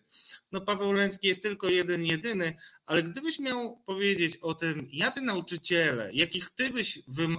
No, chciałem cię spytać nawet, co byś zrobił, gdybyś był dyrektorem szkoły, ale yy, nie idźmy może tą drogą. Natomiast jakie cechy u nauczycieli przyniosłyby najwięcej nie satysfakcji, no najwięcej korzyści nam jako społeczeństwu, tak bym powiedział. I biorąc pod uwagę oczywiście młodych ludzi jako część społeczeństwa, bo ja mam wrażenie, że to wszystko, co się dzieje ze szkołą, wynika z tego, że nasze najmłodsze pokolenie mm, do 18 roku życia nie ma głosu i tylko bawimy się emocjami ich rodziców. Ale wracamy. Ostatnie pytanie. Jakie są te cechy tych nauczycieli, którzy mogliby być tacy jak Albo po prostu dobrze, wiem, że jesteś skromny. Po prostu nieśliby ze sobą, ze swoją pracą, pasją, wartość dla nas jako dla społeczeństwa. E, nie wiem, ja się teraz boję mówić, bo e, tutaj poczytałem, że gadam za dużo e, i nie prowadzisz wywiadu. Nie e, powinieneś mi przerywać, widzisz, e, e, zupełnie bez sensu. Nie, właśnie chwalą mnie, że ci nie przerywam. Już nie, nie, no, nie, ja czytałem, ja, ja czy, nie, no właśnie ja czytałem jakieś inne w takim razie komentarze, że jednak powinieneś przerywać, a ja się niepotrzebnie produkuję. Poniekąd się z tym zgadzam, ja zdaję sobie sprawę z tego, więc teraz odpowiem bardzo krótko. Wydaje mi się, że jest to intelektualna empatia, połączenie jakby tych dwóch elementów, to znaczy Sama empatia nie wystarczy, bo w tym momencie pozwala nam na takie przesadne e, zagłaskanie tak naprawdę młodego człowieka i nie do końca traktowanie serio tego, co on robi. Tyle e, empatycznie przyjmujemy w zasadzie wszystko i nie do końca możemy sobie wtedy z tym poradzić. Kiedy jednocześnie e, jesteśmy nastawieni intelektualnie w taki mądry, dojrzały sposób do tego, co dzieje się z młodym człowiekiem, jesteśmy w stanie też jakby pomóc mu z jego emocjami. E, I w ten sposób e, chyba jesteśmy w stanie e, stworzyć taki nie ideał, ale coś takiego w miarę dobrego, co może pomóc towarzyszyć temu młodemu człowiekowi w jego niepewnościach, w jego trudnościach, zarówno edukacyjnych, jak i emocjonalnych. I to jest chyba taki złoty środek, który mógłby nam towarzyszyć. Ja nie umiem tego za każdym razem zastosować, żeby było jasne. E, mogę tylko próbować, e, ale myślę, że te próbowanie już ma jakąś tam, e, tam, tam, tam ważność i wartość. Tak Jestem mi się wydaje. przekonany, że tak jest. Bardzo dziękuję Ci. Nie, nie chcę, żebyś mówił więcej, bo, bo niech to zostanie ta, to przesłanie empatii. Uważam, że jest piękne. Naszym gościem był Paweł Lęcki, piękny człowiek, y, smutny pesymista, y, który swoimi słowami potrafi porwać 70 ponad tysięcy. Mam nadzieję, że wkrótce 100, a potem jeszcze więcej.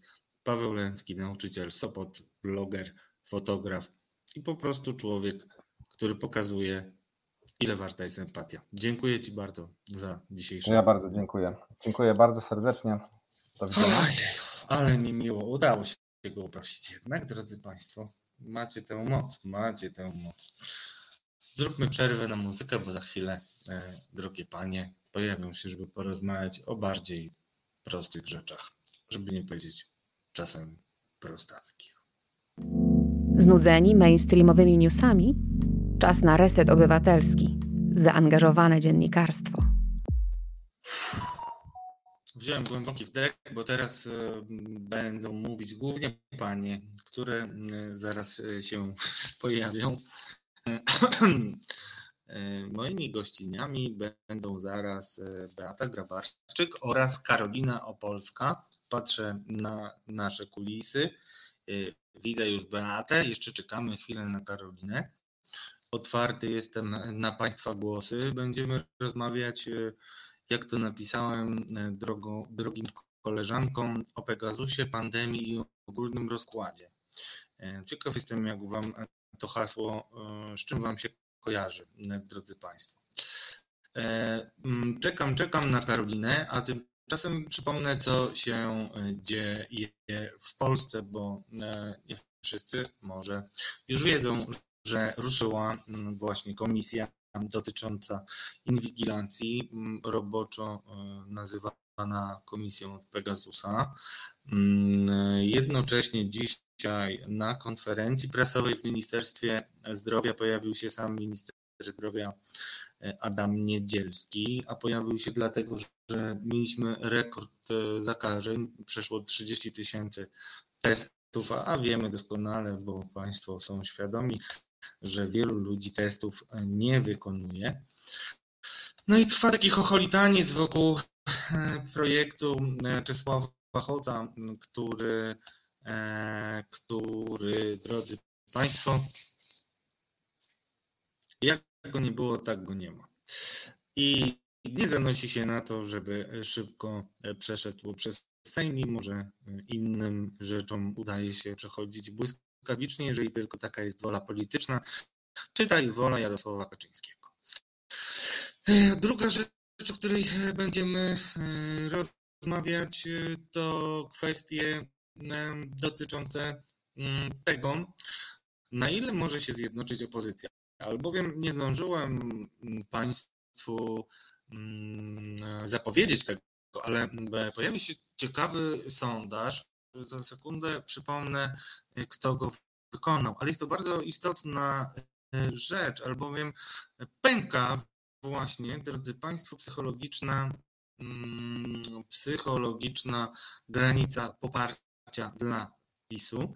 29 Y, i e, ledwie 4, e, mm, ledwie 4, drodzy Państwo, procent e, dzieli od Platformy Obywatelskiej, Koalicji Obywatelskiej PiS. Słyszę, że mamy drobne problemy z dźwiękiem.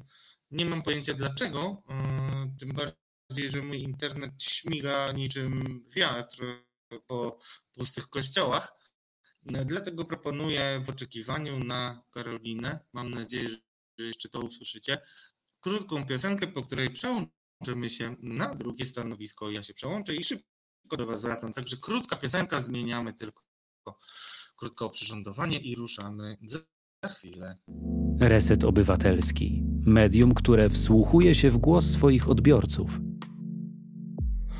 Dobry wieczór Państwu. Szybka zmiana boisk i gramy dalej. To jest Katarzis na kanale Reset Obywatelski. Zapraszamy też na stronę resetobywatelski.pl. A teraz zapraszamy już moje dwie drogie gościnie, drogie panie i drodzy panowie. Przed nami Beata Grabarczyk. Dobry wieczór. Dobry wieczór. I Karolina Opolska, Onet. Dobry wieczór. Bardzo mi miło Was widzieć. Zacznijmy od początku, czyli od końca. Od... Bardzo ładną masz choineczkę jeszcze, Radziu. Ale wiesz, że, ale wiesz, że to jest y, nie po Bożemu, bo powinieneś w Trzech Króli się i pozbyć. Nieprawda? Nie, do drugiego lutego można. A, Matki tak. Ty jesteś bezbożnicą, a Matki Bożej Gromnicznej. Ja już wszystko wiem, ale y, Paweł Lęcki czuł się speszony choinką, mogę wam powiedzieć. No. Ta choinka ma Więc... chyba jedną bombkę z tego, co widzę. To ona lekko się no. rozbiera. Elka Wielka ubiera, nie ja. E, do, drodzy Państwo, e, dobrze, zaraz, wracamy. Aż krótko i na temat. Zacznijmy od sondażu. Czy jesteście zdziwione i zacznijmy. Znasz ten sondaż, Beato? Mówiłem o tym, że PiS spadł poniżej progu. Zmiana kodu dwójka z przodu, czyli 29% za nimi tuż, tuż e, Koalicja Obywatelska. Skupmy się na tym, na tym psychologicznym e, progu. Czy ty, e, co o tym sądzisz, Beato? Czy to jest tendencja, czy to już jest ten moment? Pamiętamy ty i ja, jak na przykład upadało SLD i mówił na przykład Józef Oleksy, jestem spokojny, jestem spokojny, mamy stabilne 20%. PiS mówi właśnie tak, że jestem spokojny, mamy stabilne 30%, a potem i polecieli w dół. Czy to jest ten moment? Beata. No to może być ten moment, dlatego że to jest chyba drugi taki sondaż. Zdaje się, że w grudniu był taki pierwszy, gdzie tam lawirowali na granicy 29 i 30%. Co prawda dzisiaj jest jeszcze jeden sondaż i w tym sondażu pisma 32%, ale widać, że to jest tendencja spadkowa, bo w obu tych sondażach Prawo i Sprawiedliwość traci. No ale no, trudno, żeby nie traciło, jeżeli mamy y, ceny takie, jakie mamy. Inflacja y, pędzi po prostu z prędkością komety.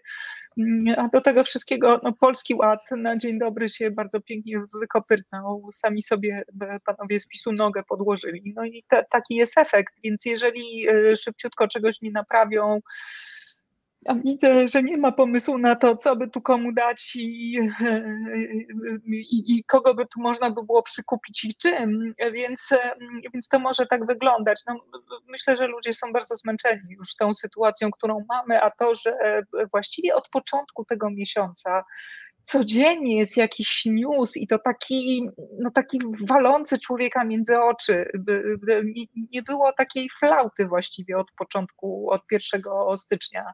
Czasami to jest, to jest tak, że ten nowy rok tak się pomału rozwija, rozkręca i to trwa i trwa w tym roku w ogóle się nie, nie rozkręcał długo, tylko po prostu wystartował z kopyta i rzeczywistość pędzi i ta rzeczywistość jest przygnębiająca.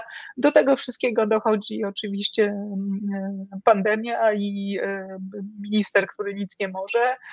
No i efekt taki jest, jaki jest. To znaczy, jeżeli już e, nawet Jarosław Kaczyński w którymś e, z wywiadów z końca roku, czyli to, był, e, to było już nawet po świętach, a przed Nowym Rokiem, opowiadał w Interi, że no on właściwie to no niewiele może, bo tu mu przeszkadza, przeszkadza, tu, przepraszam, wróć, przeszkadza mu Tusk, tam mu przeszkadza Unia Europejska, gdzie indziej mu przeszkadza Czwarta Rzesza, a Ten jeszcze Tusk naprawdę już by mógł sobie tak, dać Tusk, spokój no, mógłby już się do dymisji podać. E, no więc Jarosław Kaczyński opowiada, że nic nie może, nie uchwalać żadnych ustaw antykowidowych nie będą, bo przecież nikt nie będzie tego wykonywał, no czyli społeczeństwo też się go nie słucha. No, biedny facet, no to jak nie może i nie jest w stanie rządzić, no to można tylko liczyć na to, że zrezygnuje z rządzenia i no i nie, nie zrezygnuje.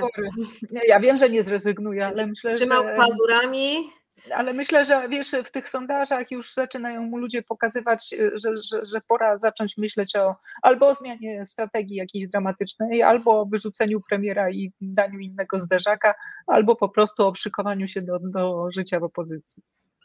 Hmm. Okej, okay, to ja... teraz Karolino, zacznijmy od Tuska, bo ty sobie ironizowałaś troszeczkę, e, więc powiedzmy to jasno, bo nie wszyscy w internecie hmm. łapią ironię, chociaż po twojej twarzy. Tak, to moje przekleństwo jest. Nie wiem, no to, ale trzeba mieć to na uwadze.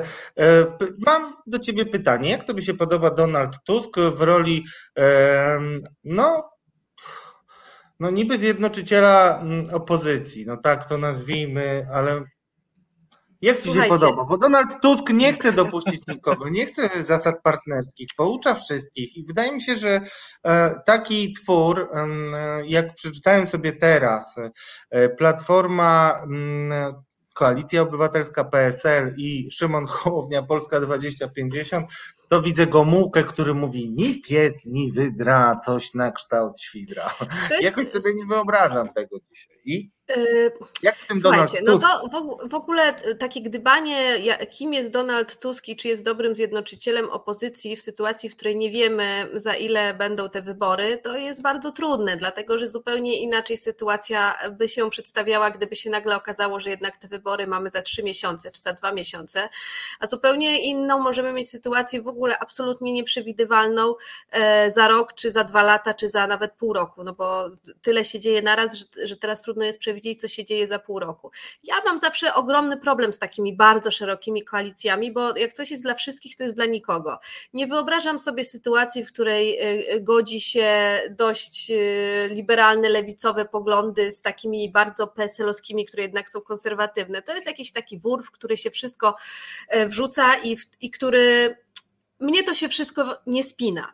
Natomiast widzę sytuację, w której na przykład okazuje się, że te wybory są już zaraz w marcu, tak jak się pojawiają plotki, że tam PiS wykupuje już billboardy i się przygotowuje do tych wyborów. No i trzeba się zebrać w kupę, zjednoczyć jedna duża opozycja, że jedna duża opozycyjna lista, no pytanie czy z lewicą czy nie, no nie no bo Donald Tusk lewicy bez. No to, nie lubi. To chyba nie mamy wątpliwości. No ale powiedzmy ta jedna tak, ta jedna duża właśnie lista koalicyjna, Platforma, PSL, Hołownia e, idzie razem.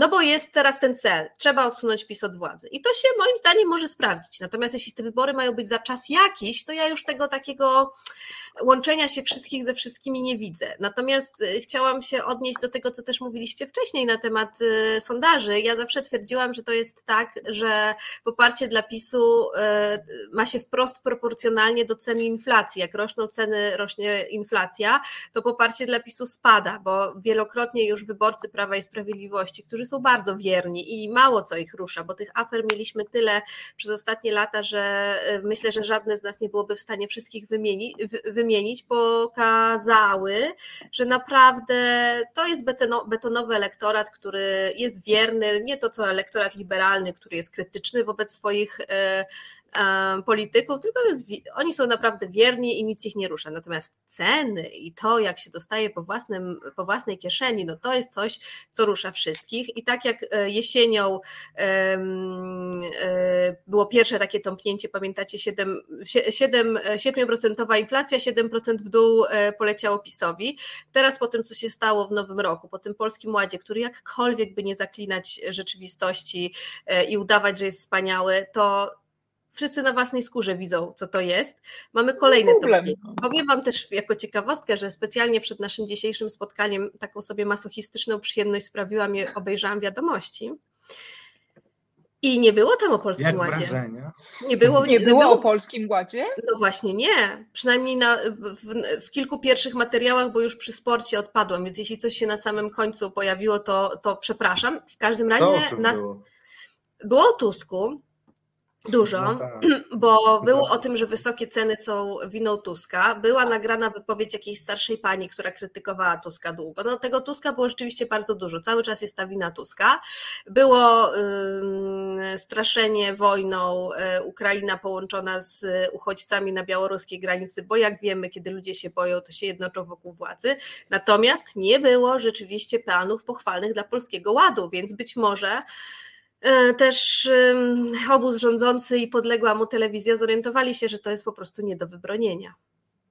To ja przypomnę, co mówiono o Polskim Ładzie, bo e, miałem tę niewątpliwą satysfakcję, że ujawniłem światu e, plany PiSu i jeszcze w Okopres jako pierwszy i mam nadzieję, że to trochę pokrzyżowało plany, chociaż przykro patrzeć na to, co plany propagandowe, bo to, co się dzieje teraz E, no cóż, wymaga przypomnienia, że PiS w pewnym momencie atakowany przez Jarosława Gowina przede wszystkim mówił, że na Polskim Ładzie nikt nie straci. Ja to pamiętam. No to mówi. Boga kocham, tak. Na Polskim Ładzie stracą tylko cwaniacy. A, to później było, tak, bo prezes I po czym okazało się, się okazało, że cwaniacy zarabiają powyżej 12 tysięcy, to oni tracą. A potem, a jeszcze mówił premier Morawiecki, że na Polski Ład, na Polskim Ładzie stracą wielkomiejskie elity, po czym okazało nie, nie, się, że... Wielkomiejskie elity, wielkomiejskie elity krytykują Polski A, krytykują, po czym okazało się, że wielkomiejskie elity, jeśli chodzi o Polski Ład i zatrudnienie na umowę o dzieło, to są ci, którzy dostają na rękę powyżej 3,5 tysiąca. Tak. To, drodzy Państwo, bo niektórzy zapominają. Mi się wydaje, że to powinno naprawdę, w te, szczególnie w tekstach w internecie, być przypominane, bo to nie jest trudne i wiele tekstów jest, że tak powiem, repostowanych, czyli ponownie publikowanych. Można taką rameczkę e, zrobić. E, idźmy dalej wobec tego. Jak Wiesz, ale ja bym się tak. chwilę zatrzymała, przepraszam, jeżeli mogę, przy tej koalicji, bo e, sorki, przy tej koalicji wszystko zależy tak naprawdę od tego, jaki jest e, cel tych wyborów. Jeżeli celem jest odsunięcie Prawa i Sprawiedliwości od władzy, to absolutnie nie ma o czym mówić. Wszystkie partie opozycyjne się powinny zjednoczyć nawet z tą lewicą, później będą sobie układali programy, jak będą tworzyli rząd, będą e, robili umowy koalicyjne i tam będzie zawarte, co kto chce, co, na czym mu najbardziej zależy. Natomiast oczywiście do, do wyboru z jakimś programem trzeba iść, tak? Znaczy pierwszy punkt wywalamy PiS, drugi punkt chcemy wprowadzić porządek przy pomocy, nie wiem, jednej ustawy mówiącej wszystkie ustawy z lat 2000 który mamy teraz, a 15, 22, 23 miną kosza przywracamy starą rzeczywistość, chociaż to się oczywiście tak jednym, jednym podpisem i jedną ustawą zrobić nie da. No ale jeżeli założymy, że najważniejsze jest odsunięcie PiSu od władzy, to muszą iść wszyscy, dlatego że mamy taką, a nie inną ordynację wyborczą i pan Dąd po prostu za nas wybierze. I jeżeli fatalnie będzie, jeżeli lewica spadnie poniżej progu wyborczego, dramatycznie będzie, jeżeli poniżej progu wyborczego spadnie PSL, bo wszystkie te głosy przyjdą na, przejdą na tego, kto ma najwięcej, najwięcej wyborców ugrał, czyli na Prawo i Sprawiedliwość. Nie zapominajmy o tym, że najważniejszy jest, najważniejsza jest w tej chwili ordynacja wyborcza i to ona decyduje o tym, jak powinno być. Przypominam, że partie podzielone szły do wyborów już trzy razy na Węgrzech po tych trzech razach przegranych, one doszły do wniosku, że muszą jednak pójść za przeproszeniem w kupie i zebrało się tam, zebrała się tam menażeria, to znaczy od Jobbiku, który jest e, skrajnie prawicowy, po e, partie lewicowe, zebrali się do kupy, wybrali jednego kandydata na premiera, który jest większym konserwatystą chyba niż, e, niż Orban nie tylko jest konserwatystą z zasadami, a nie po prostu e, handlarzem i, e, i zdobywcą kasy dla siebie i dla swojej rodziny. E, I idą razem do tych wyborów, bo taki jest układ polityczny. I, a jeżeli będziemy się teraz zastanawiać, to co proponuje Szymon Hołownia, zbierzmy się, zróbmy okrągły stół, podzielmy się tu, ci to, ci tamto, zróbmy ten program, to się będziemy rozdrabniać na tym do wyborów i a potem się okaże, że nie wyszło, nie pykło, jak to mówi młodzież. Nie pykło, No tak dobrze, jest. no to w takim nie razie, no to w takim razie. Nie, no nie, no do mnie. To starsza młodzież. Okay. My, my młodzi. Ale no to w takim razie, jeśli to pociągnęliśmy, no to powiedzmy, jak to dokładnie jest, no bo ten y, dla mnie dość egzotyczny, na, przynajmniej na dziś, twór koalicyjny Przypomnę, koalicja PSL i e, Polska 2050 e, zyskuje w tym badaniu przynajmniej 42% w stosunku do. W stosunku do 30 bodajże tak, PiSu i 10% pamiętajmy, że to Konfederacji. badanie robione, to, to jest ten kantar, ale on jest na zlecenie Koalicji Obywatelskiej robiony, prawda? O tym badaniu mówimy, więc tam no wiadomo, że to będzie to troszkę zawyżone na rzecz y, samych zainteresowanych, ale no i tak żaden. To jest pierwszy taki sondaż. To jest pierwszy taki sondaż. No chyba Mimo tak. To, no, znaczy naprawdę, tak. bo no, widzę, że któryś ze słuchaczy pisze, że ta wspólna koalicja to jest e, murowana porażka.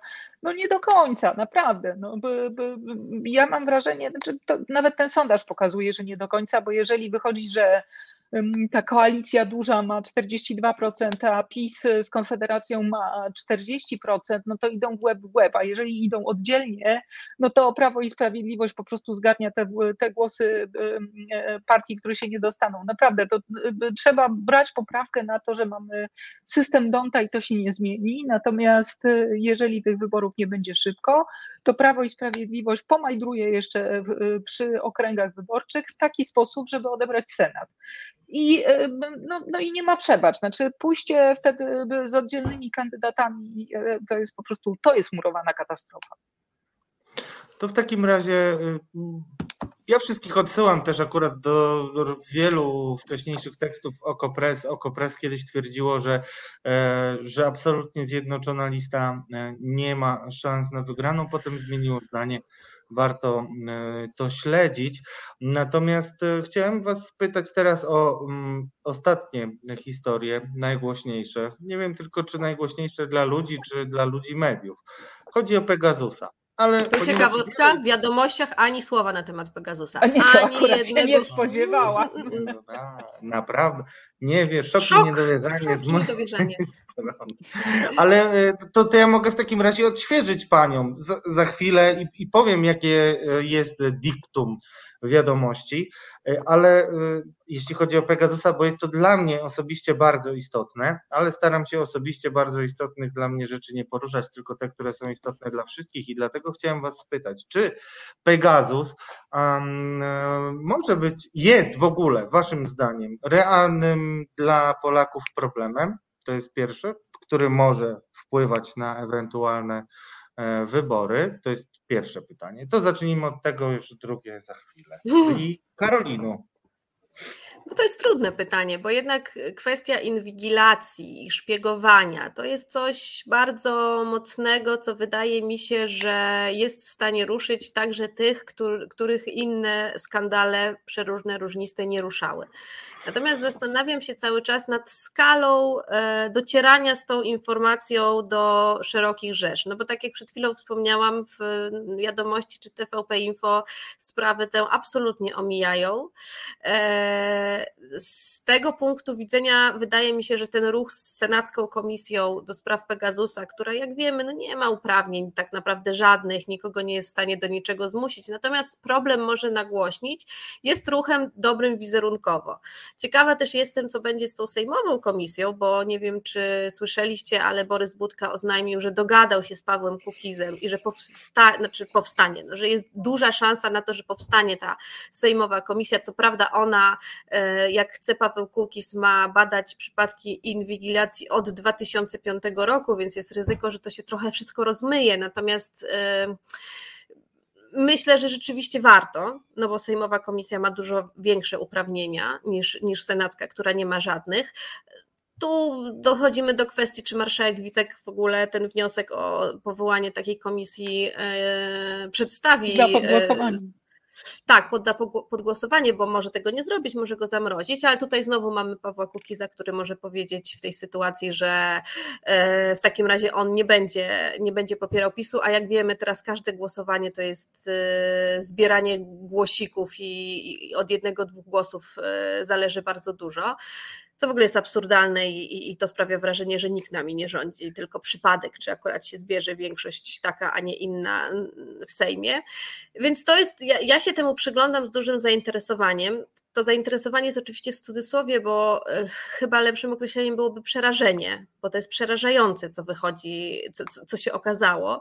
Ja, ja jako obywatelka czuję się zaniepokojona, mając świadomość, że, no, że tak naprawdę ktoś, a jak wiemy, osoby odpowiedzialne za służby to są osoby, które raczej no tak szczodrze korzystają z możliwości technicznych, które, e, które przed sobą mają. Także ja, ja jestem przerażona e, i ta świadomość, że mogłam być w każdej chwili podsłuchiwana, bo wy na pewno, ale nie wiem, czy nasi widzowie w, w wgłębiali się w to, jakie daje uprawnienia Pegasus, bo oprócz tego, że e, oczywiście cały mój telefon może być prześwietlony i wszystko, co tam napisałam, wysłałam, oglądałam, ktoś może obejrzeć, to może też moje treści zmanipulować i na moim telefonie wsadzić też na przykład zdjęcia pornograficzne, czy i, i, i potem ja, jakieś medium może twierdzić, że ja takie treści miałam na telefonie, to w dodatku może mnie też podglądać i podsłuchiwać w każdym dowolnym momencie, kiedy ja sobie tego nie życzę, więc to jest przerażające.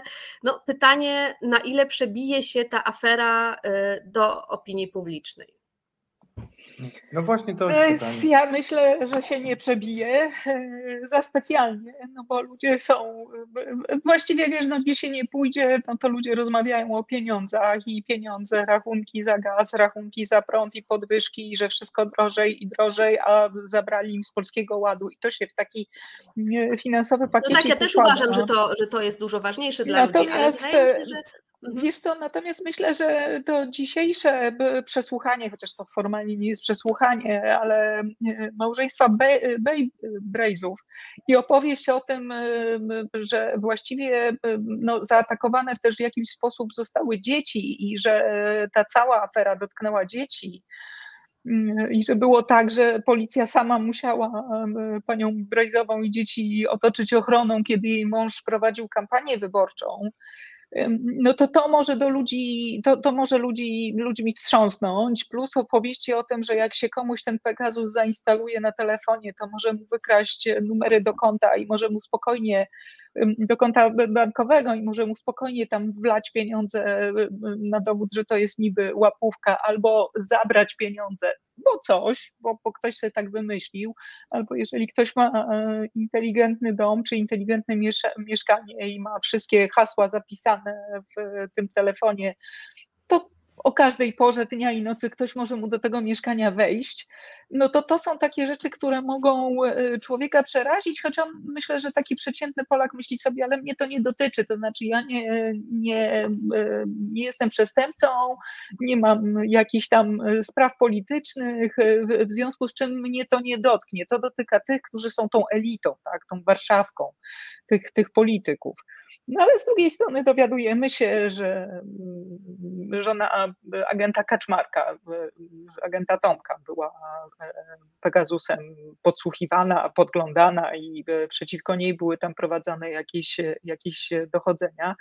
No więc może się okazać, że ktoś niechcący, znaczy sami niechcący się zaplączemy w jakąś historię albo ktoś nas będzie chciał w jakąś historię umoczyć, a jest związany z prawem i sprawiedliwością, ma interesy z panami e, Ziobrą, Wąsikiem, i Kamińskim i oni mogą chcieć komuś pomóc na przykład. Tak? Problem polega Więc... na tym, że nigdy nie wiemy, kiedy nadepniemy na odcisk władzy, co pokazuje na przykład y, nieszczęsny kierowca z Seicento, y, z którym zderzyła wiesz, się kolumna Beaty Szydło facet wracał do domu.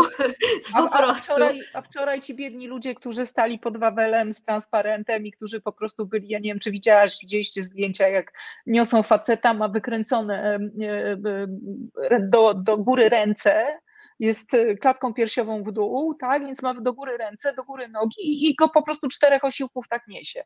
Y, I później pewnie taki facet zostanie postawiony przed sądem, okaże się, że on jest niewinny, ale może się okazać tak jak w przypadku jednej z dziewczyn, która wołała nasze znane hasło ośmiogwiazdkowe i została za to przez sąd ukarana, bo akurat sędzia uznał, że to jest e, wulgarne zachowanie, więc e, każdy może zostać umoczony przez, te, przez tego Pegasusa, znaczy teraz już nie może, no bo Pegasus został został zabrany y, kolegom.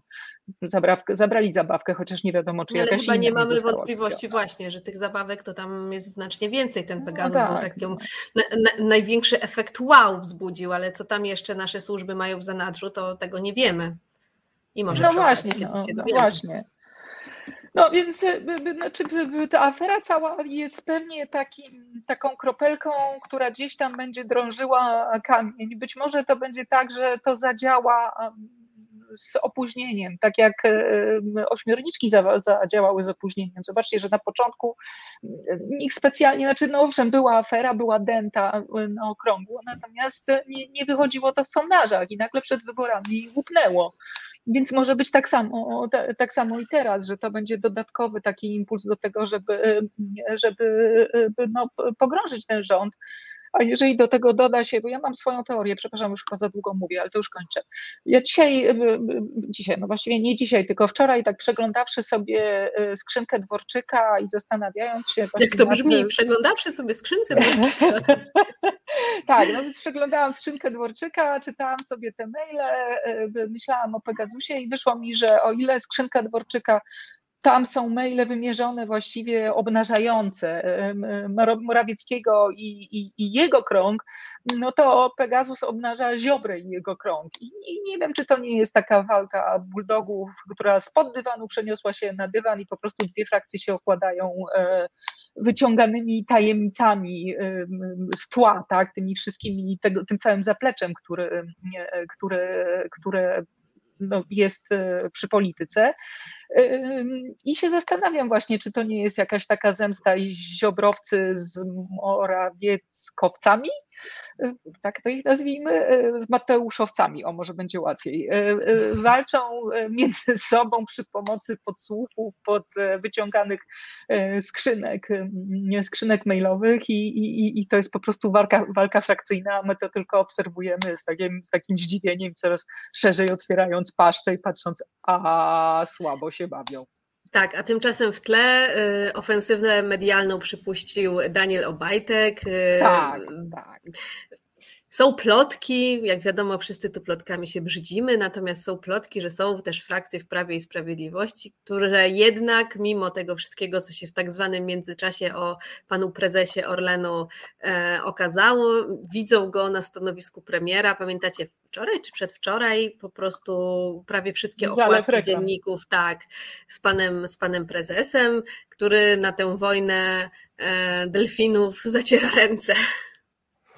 No tak, tylko wiesz, to, znaczy ja bym rozumiała to, że, że jest takie podejście, że ktoś tam widzi Obajtka w roli premiera, bo myślę, że Mateusz Morawiecki się tak bardzo zużył, y, że jeżeli naprawdę y, Kaczyński myśli o tym, żeby dalej rządzić, no to musi chyba zrobić taką ucieczkę do przodu i tego zderzaka wymienić, bo no, Morawiecki traci i y, traci, stracił u prezesa, jak widać i już nie jest e, kolejnym ukochanym dzieckiem prezesa, a i najwyraźniej, bo e, przypominam, że stracił na przykład na rzecz Sasina e, Komitet Ekonomiczny w tak, rządzie. Więc, to była jedna z jego ostatnich takich, właśnie, ostatnich jego w 100% miejsc. Mhm. No więc właśnie, więc stracił pewnie kolejną grupę zaufanych ludzi wokół siebie.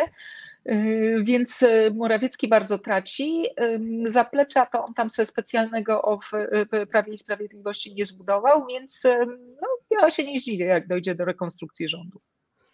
Ja się I zastanawiam, czy to. Przepraszam, mhm. jeszcze tylko jedno zdanie. I zobaczcie, że prezes Kaczyński dalej jest w rządzie, chociaż z nowym rokiem miał już zrezygnować. Tak, no bo pan prezes Kaczyński jest tam wicepremierem do, spraw, do spraw bezpieczeństwa Zjednoczonej Prawicy, więc musi znaczy, pilnować tak, tego wszystkiego. Od tego, żeby się do gardeł się nie rzucili. Tak, tak, na, tak. Natomiast zastanawiam się, czy to przypadek, że akurat teraz y, żona premiera Morawieckiego postanowiła wy, wyprzedawać swoje wło, włości. No czy, czy dlaczego akurat teraz? A to tak zawieszę takie pytanie i no, znaczy, Posłucham, o co, te, o co teraz, teraz Radek chce nas zapytać. To, to, przepraszam Cię Radku, jeszcze dopowiem, zauważmy, że nieruchomości są teraz bardzo drogie, więc może po prostu jest ta górka i robi, robi na tym złoty interes, ale może być to też interes połączony z planami długiego wypoczynku na przyjemnej plaży w Ameryce Południowej. Być może. Albo w Emiratach. Tak niezobowiązująco i na marginesie powiem, że ostatnio ktoś mi powiedział, że prezes na wszelki wypadek sobie załatwił azyl w Turcji u Erdogana. Brzmi to może, brzmi to może zabawnie. W jakim języku ale... on tam będzie rozmawiał? Proszę nie, nie, nie, no spokojnie, spokojnie. Dyktatorzy nadają na tych samych falach.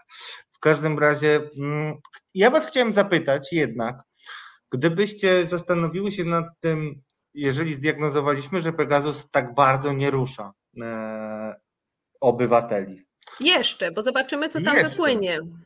A czy myślicie, że ruszy polityków, którzy mogą się zbuntować? Bo pamiętajmy, że no większość no liczy na, y, wisi na włosku. No już tak wam podpowiedziałem, że już teraz Karolina musi swoim. Nie, ja teraz właśnie, że Beata będzie zacznie tym razem. Żebym cię znowu nie zagadała. Słuchaj, dyktatura nie, no, kobiet. Ja się... Dość ja dyktatury się... kobiet. Dość. Ja ale, ale, ale, jak widzisz, dyktatura jest oświecona, bo się dzielimy, że tak powiem. Ale ja jestem cały władzą. wasz, absolutnie. Ja, e, ja myślę, że moje, proszę. E, ja czytałam o tym i wczoraj i dzisiaj, że jest taka koncepcja, że jest część posłów Prawa i Sprawiedliwości, którzy oburzeni tym, co się dzieje, oburzeni zachowaniem e, e, Ziobry i kolegów, e, będą tak bardzo moralnie wstrząśnięci, że zagłosują za tą komisją śledczą w Sejmie. No tak coś Donald ja... Tusk mówił, że, no, że tak, liczy tak, na to. Ja mam, ja mam tak, po pierwsze mam wrażenie, że w Prawie i Sprawiedliwości już chyba nie ma albo prawie nie ma osób, które nie są e, w sposób mafijny e, uwiązane do prezesa i do tego rządu. To znaczy tacy, których rodziny, przyjaciele, pradziadki, praciotki, Bóg wie kto nie zarabia na przykład na spółkach Skarbu Państwa. No już zobaczcie, że nawet e, ten nieszczęsny Kujda, który okazał się być E, agentem. Wylądował e, gdzieś w Radzie Nadzorczej którejś ze spółek, już nie pamiętam, chyba, nie, nie PZU, ale jakiejś ubezpieczeniowej zdaje się spółki. W związku z tym tak po cichutku, po cichutku człowieka nie zostawili.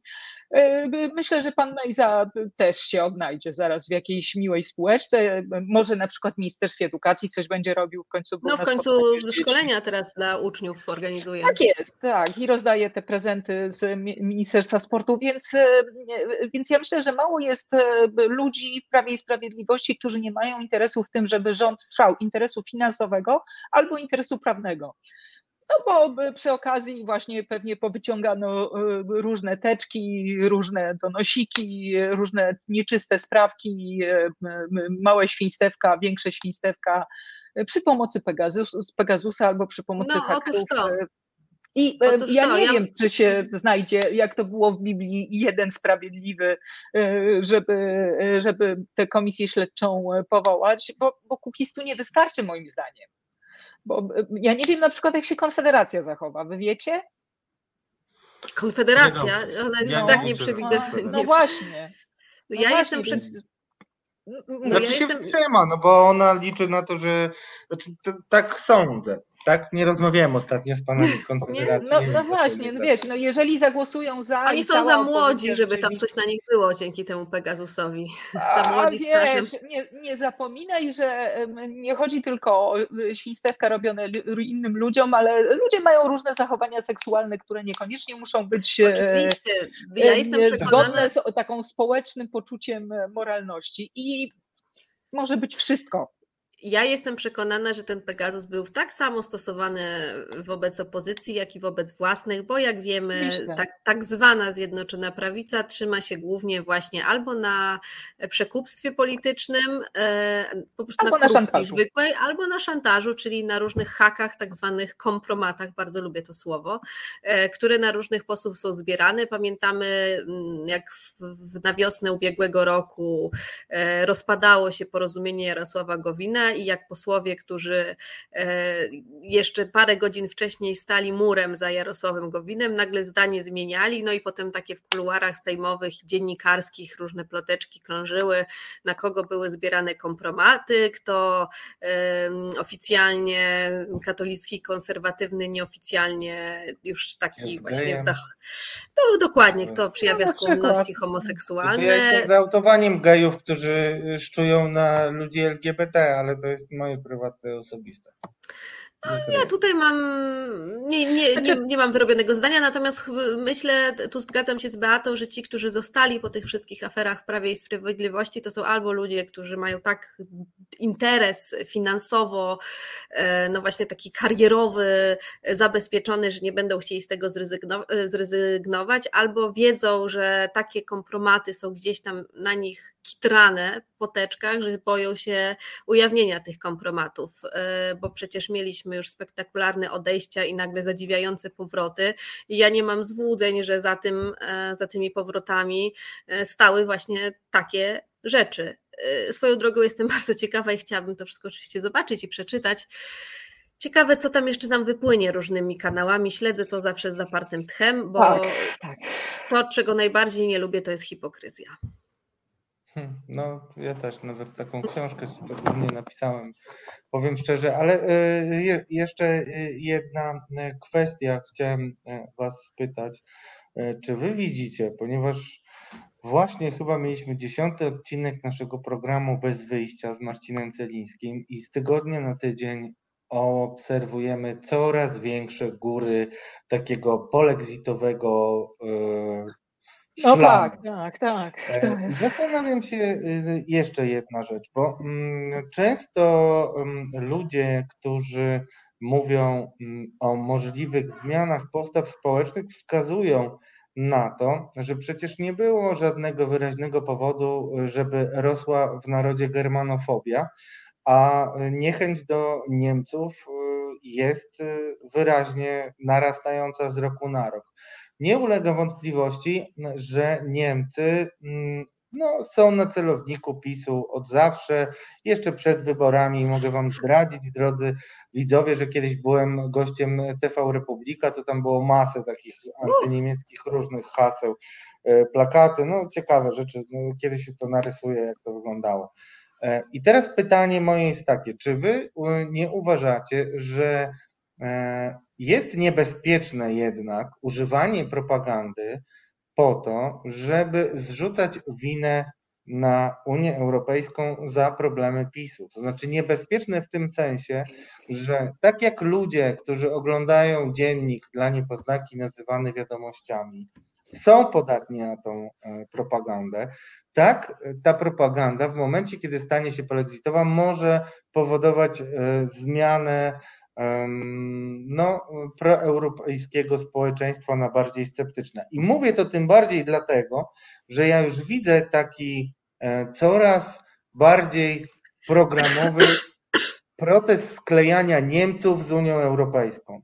Być może to jest trochę przypadkowo, bo rzeczywiście w umowie koalicyjnej e, padły takie e, pomysły, czy tam dążenia do państwa federacyjnego, chociaż nie jest takie, jak się przedstawia. Ale czy uważacie, że tak czy inaczej po tym pobojowisku, niezależnie od tego, kto zwycięży, to jednak społeczeństwo może yy, ta, to ziarno niechęci do Unii Europejskiej może wzrastać i przynosić w przyszłości bardzo złe plony?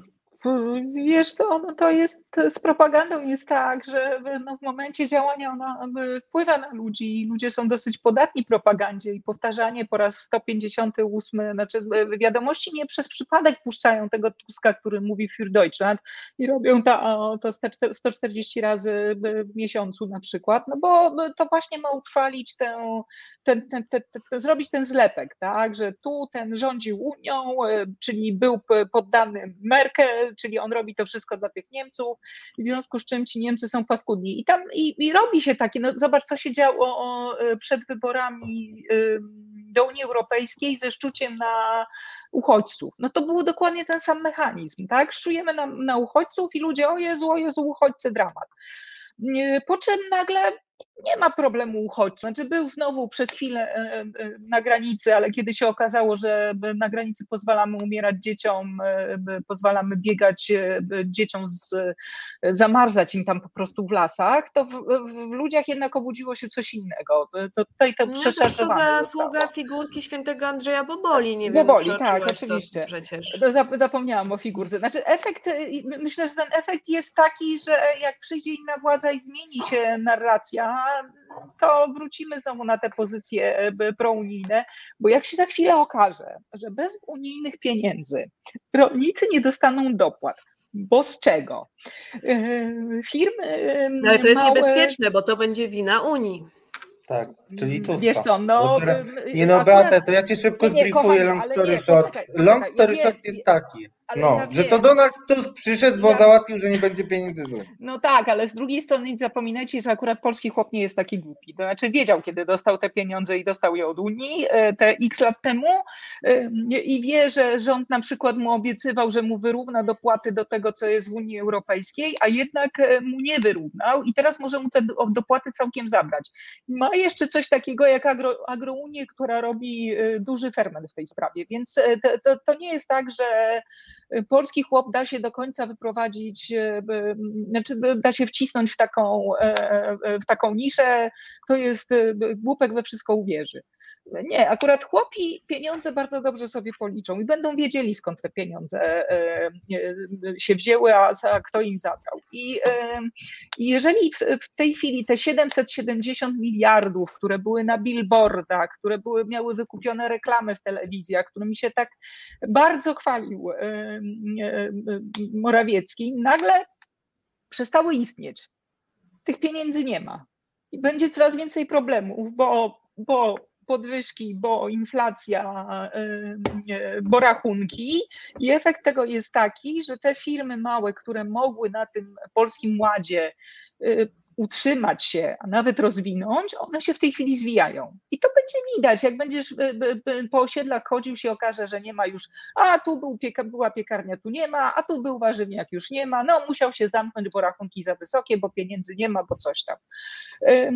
I, i, i ja myślę, że no, to, to, to, się nie do końca da zlinkować, tak, że to jest wszystko wina Unii Europejskiej i Niemców, dlatego że ludzie są wkurzeni w tej chwili na, na Morawieckiego i to, to się do niego przyklei, to, przyklei, to, to, to, to już zostanie mu na, na jego e, schludnym garniturku te plamy i to, to tak łatwo nie pójdzie.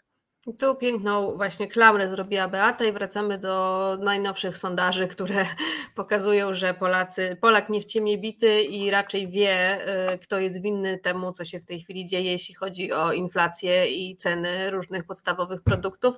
Natomiast jeśli chodzi, ja tutaj dzisiaj będę taki człowiek ciekawostka, natomiast jeśli chodzi o y, propagandę toporną tak zwanej telewizji publicznej i Niemiec, no to wiadomo, że Niemcem zawsze jest łatwiej straszyć niż jakimś, nie wiem, no, Francuzem, czy Hiszpanem, czy Włochem, no kto by się ich bał. Niemca nie lubimy my wychowani na czterech pancernych i, i psie, więc jest tak. dobrym takim... I Hansie Klosie. Dokładnie, dobrym kozłem ofiarnym. I dzisiaj wiadomości, oczywiście Donald Tusk sprzyjający Niemcom i wzruszający obrazek, czyli starsza pani podchodzi do Donalda Tuska i mówi, że ona ma 84 lata, walczyła w powstaniu warszawskim, ona wie, że Niemiec to zły i dlaczego pan tak sprzyja Niemcom? No i ten Tusk tam nie bardzo wie, co powiedzieć, dlaczego sprzyja Niemcom, bo to rzeczywiście jest trudna odpowiedź. No tak, no, pytanie, co, co, co on może biedny na to, na to odpowiedzieć? A dlaczego nie, nie spadamy, bo jak kula ziemska jest okrągła, tak? To tak, tak, no więc to, to nie jest łatwe pytanie. W każdym razie ta propaganda, że zły Niemiec, a Tusk jest po stronie Niemiec jest nadal topornie nam do głów kładziona.